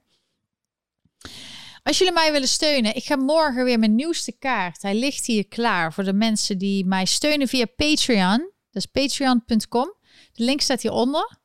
Is een leuke manier om mij te steunen met een maandelijks bedrag. Je kan stoppen wanneer je wil. Mensen zijn soms een beetje bang. Maar ik zie dat er mensen zijn die soms mij eh, meer doneren. En dan denk ik, ja, misschien is het handiger om maandelijks een vast bedrag. Dan, en dan krijg je ook nog iets voor terug. Want bijvoorbeeld, eh, je, ik vertel wat meer verhalen, background information of wat ik aan het doen ben. Eh, je krijgt kerstkaart. Een hoger level krijg je elke maand een vast kaartje met een verhaaltje over wat er hier in New York komt. Dus zelfs handgeschreven. Iedereen krijgt een eigen verhaal. Dus eh, ja, als je dat wil, kun je naar de Patreon-link gaan hieronder. En, en mijn kaart, ik heb ze al uitgeprint. Dus wil je die ook? Kun je ook lid worden en dan zit je in de in-crowd. En op dit moment wil ik ook mijn Patreons, mijn patrons van de Patreons bedanken. Op dit moment zijn dat Jelle, Elja, Hugo en Peter. Dankjewel. Ik heb er vier. Ik vind het super dat jullie dat doen. Super bedankt. Dat, je, dat zorgt echt voor dat ik dit door kan. Want dan weet ik een beetje wat voor. Want dit is mijn werk nu. Dus ik wil het uitbouwen. Bouwen. Dus dan weet ik ook dat ik bijvoorbeeld kan investeren. Of hoeveel tijd ik eraan kan besteden. Dat ik niet andere projecten aan hoef te nemen. Om uh, dat ik kan focussen op jullie informatie geven. Dus uh, dank je wel. Ja, ik heb een mug. Kijk, ik heb een iemand zegt net als Louder with Crowder. Cancel, cancel culture. Wat ik op mijn shirt heb. Crowder heeft ook een mug. Ik heb hem ook. Ik heb er nu pennen in. Maar je kan, het is gewoon voor een lekkere kop koffie.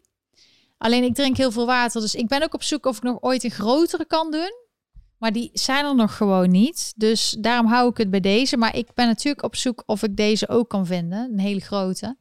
Maar die is nogal zwaar. Dit is gewoon, kun je gewoon op je, als je er gewoon in gelooft, van stoppen met de hele cancelcultuur. Gewoon mensen steunen waar je achter staat. Kun je deze mok, die is uh, via de link bij Teespring of Spring hier onder de video. Ook leuk.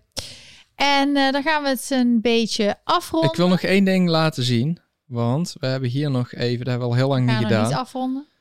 Uh, dit zijn de COVID-cijfers. En uh, je ziet hier dat het heel hard naar beneden aan het gaan is in New York.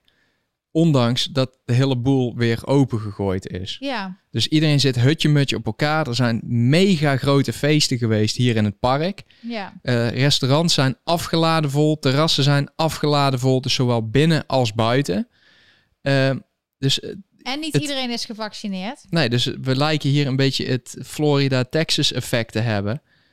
Dat uh, opengooien betekent dat, uh, dat het, de, de, hoe heet het, de besmettingsgraad naar beneden gaat. Ik snap, ik snap, ik snap echt niet hoe, dit, hoe ze dit het is kunnen verantwoorden. Een verrassing, een wonder. Het is allemaal een onverwacht iets. Maar, want de ene keer zeggen ze dit en het resultaat is dat. En de andere keer zeggen ze dat en het resultaat dat. We weten afgelopen jaar, als je, ik was in het begin heel serieus met alles. En ook heel voorzichtig. Ik ben nog steeds voorzichtig. Maar... Wanneer gaat New York officieel open? Uh, juni, dacht ik. Zes. Nee, vandaag of morgen. Dat is morgen dan? Ja, nee, 31ste morgen. Oh, dus... de, op dinsdag? Ja, morgen, denk ik.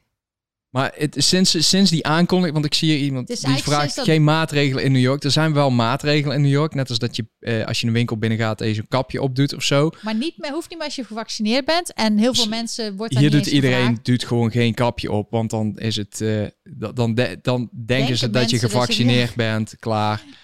Um, dus. Maar ik uh, doe dat wel, want ik bescherm mezelf tegen mensen die wel, uh, ja, misschien moeten wij wel beschermd worden, wie weet. Um, dat is, wij gaan gewoon door. Ik hoop dat jullie ook gewoon doorgaan met al jullie plannen. Het lijkt me leuk om te horen. Als jullie ooit een t-shirt of een trui of een mok, stuur mij een foto. Vind ik super leuk. Ga ik ja, want er zijn best veel mensen die iets bestellen. Ja, ik zie nog. Maar we zien geen foto's. foto's. Nee, dus um, ik vind het leuk. Volgende week laat ik doen als het kan, als jullie die sturen, wat foto's zien van uh, wat jullie allemaal hebben besteld. Iedereen bestelt een andere kleur, vind ik super leuk. Ik zelf, uh, ja, ik bestel ook altijd uh, andere kleuren.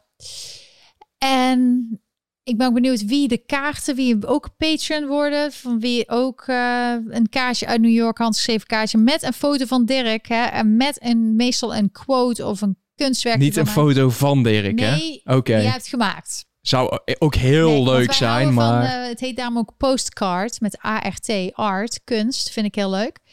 En um, we blijven gewoon doorgaan met, met alles. Gewoon leuk. Met elkaar praten. Ik uh, was weer een hele leuke avond. Veel mensen kijken vandaag. Leuk. Um, dus. Wij kijken ook altijd. Wij zien jullie volgende week. Dan is dat de tiende keer dat ik de zondag met Lonneke doe. Ik doe het eigenlijk al lang, langer, maar dan heb ik zondag met Lonneke. En dank jullie wel ook voor de mensen die de superchat vragen hadden. En de comments en de stickers. Super dankjewel. Ook via Ideal en alles. En ik hoop jullie snel te zien. Maak er het beste van deze week. En see you later. Bye bye. Doei.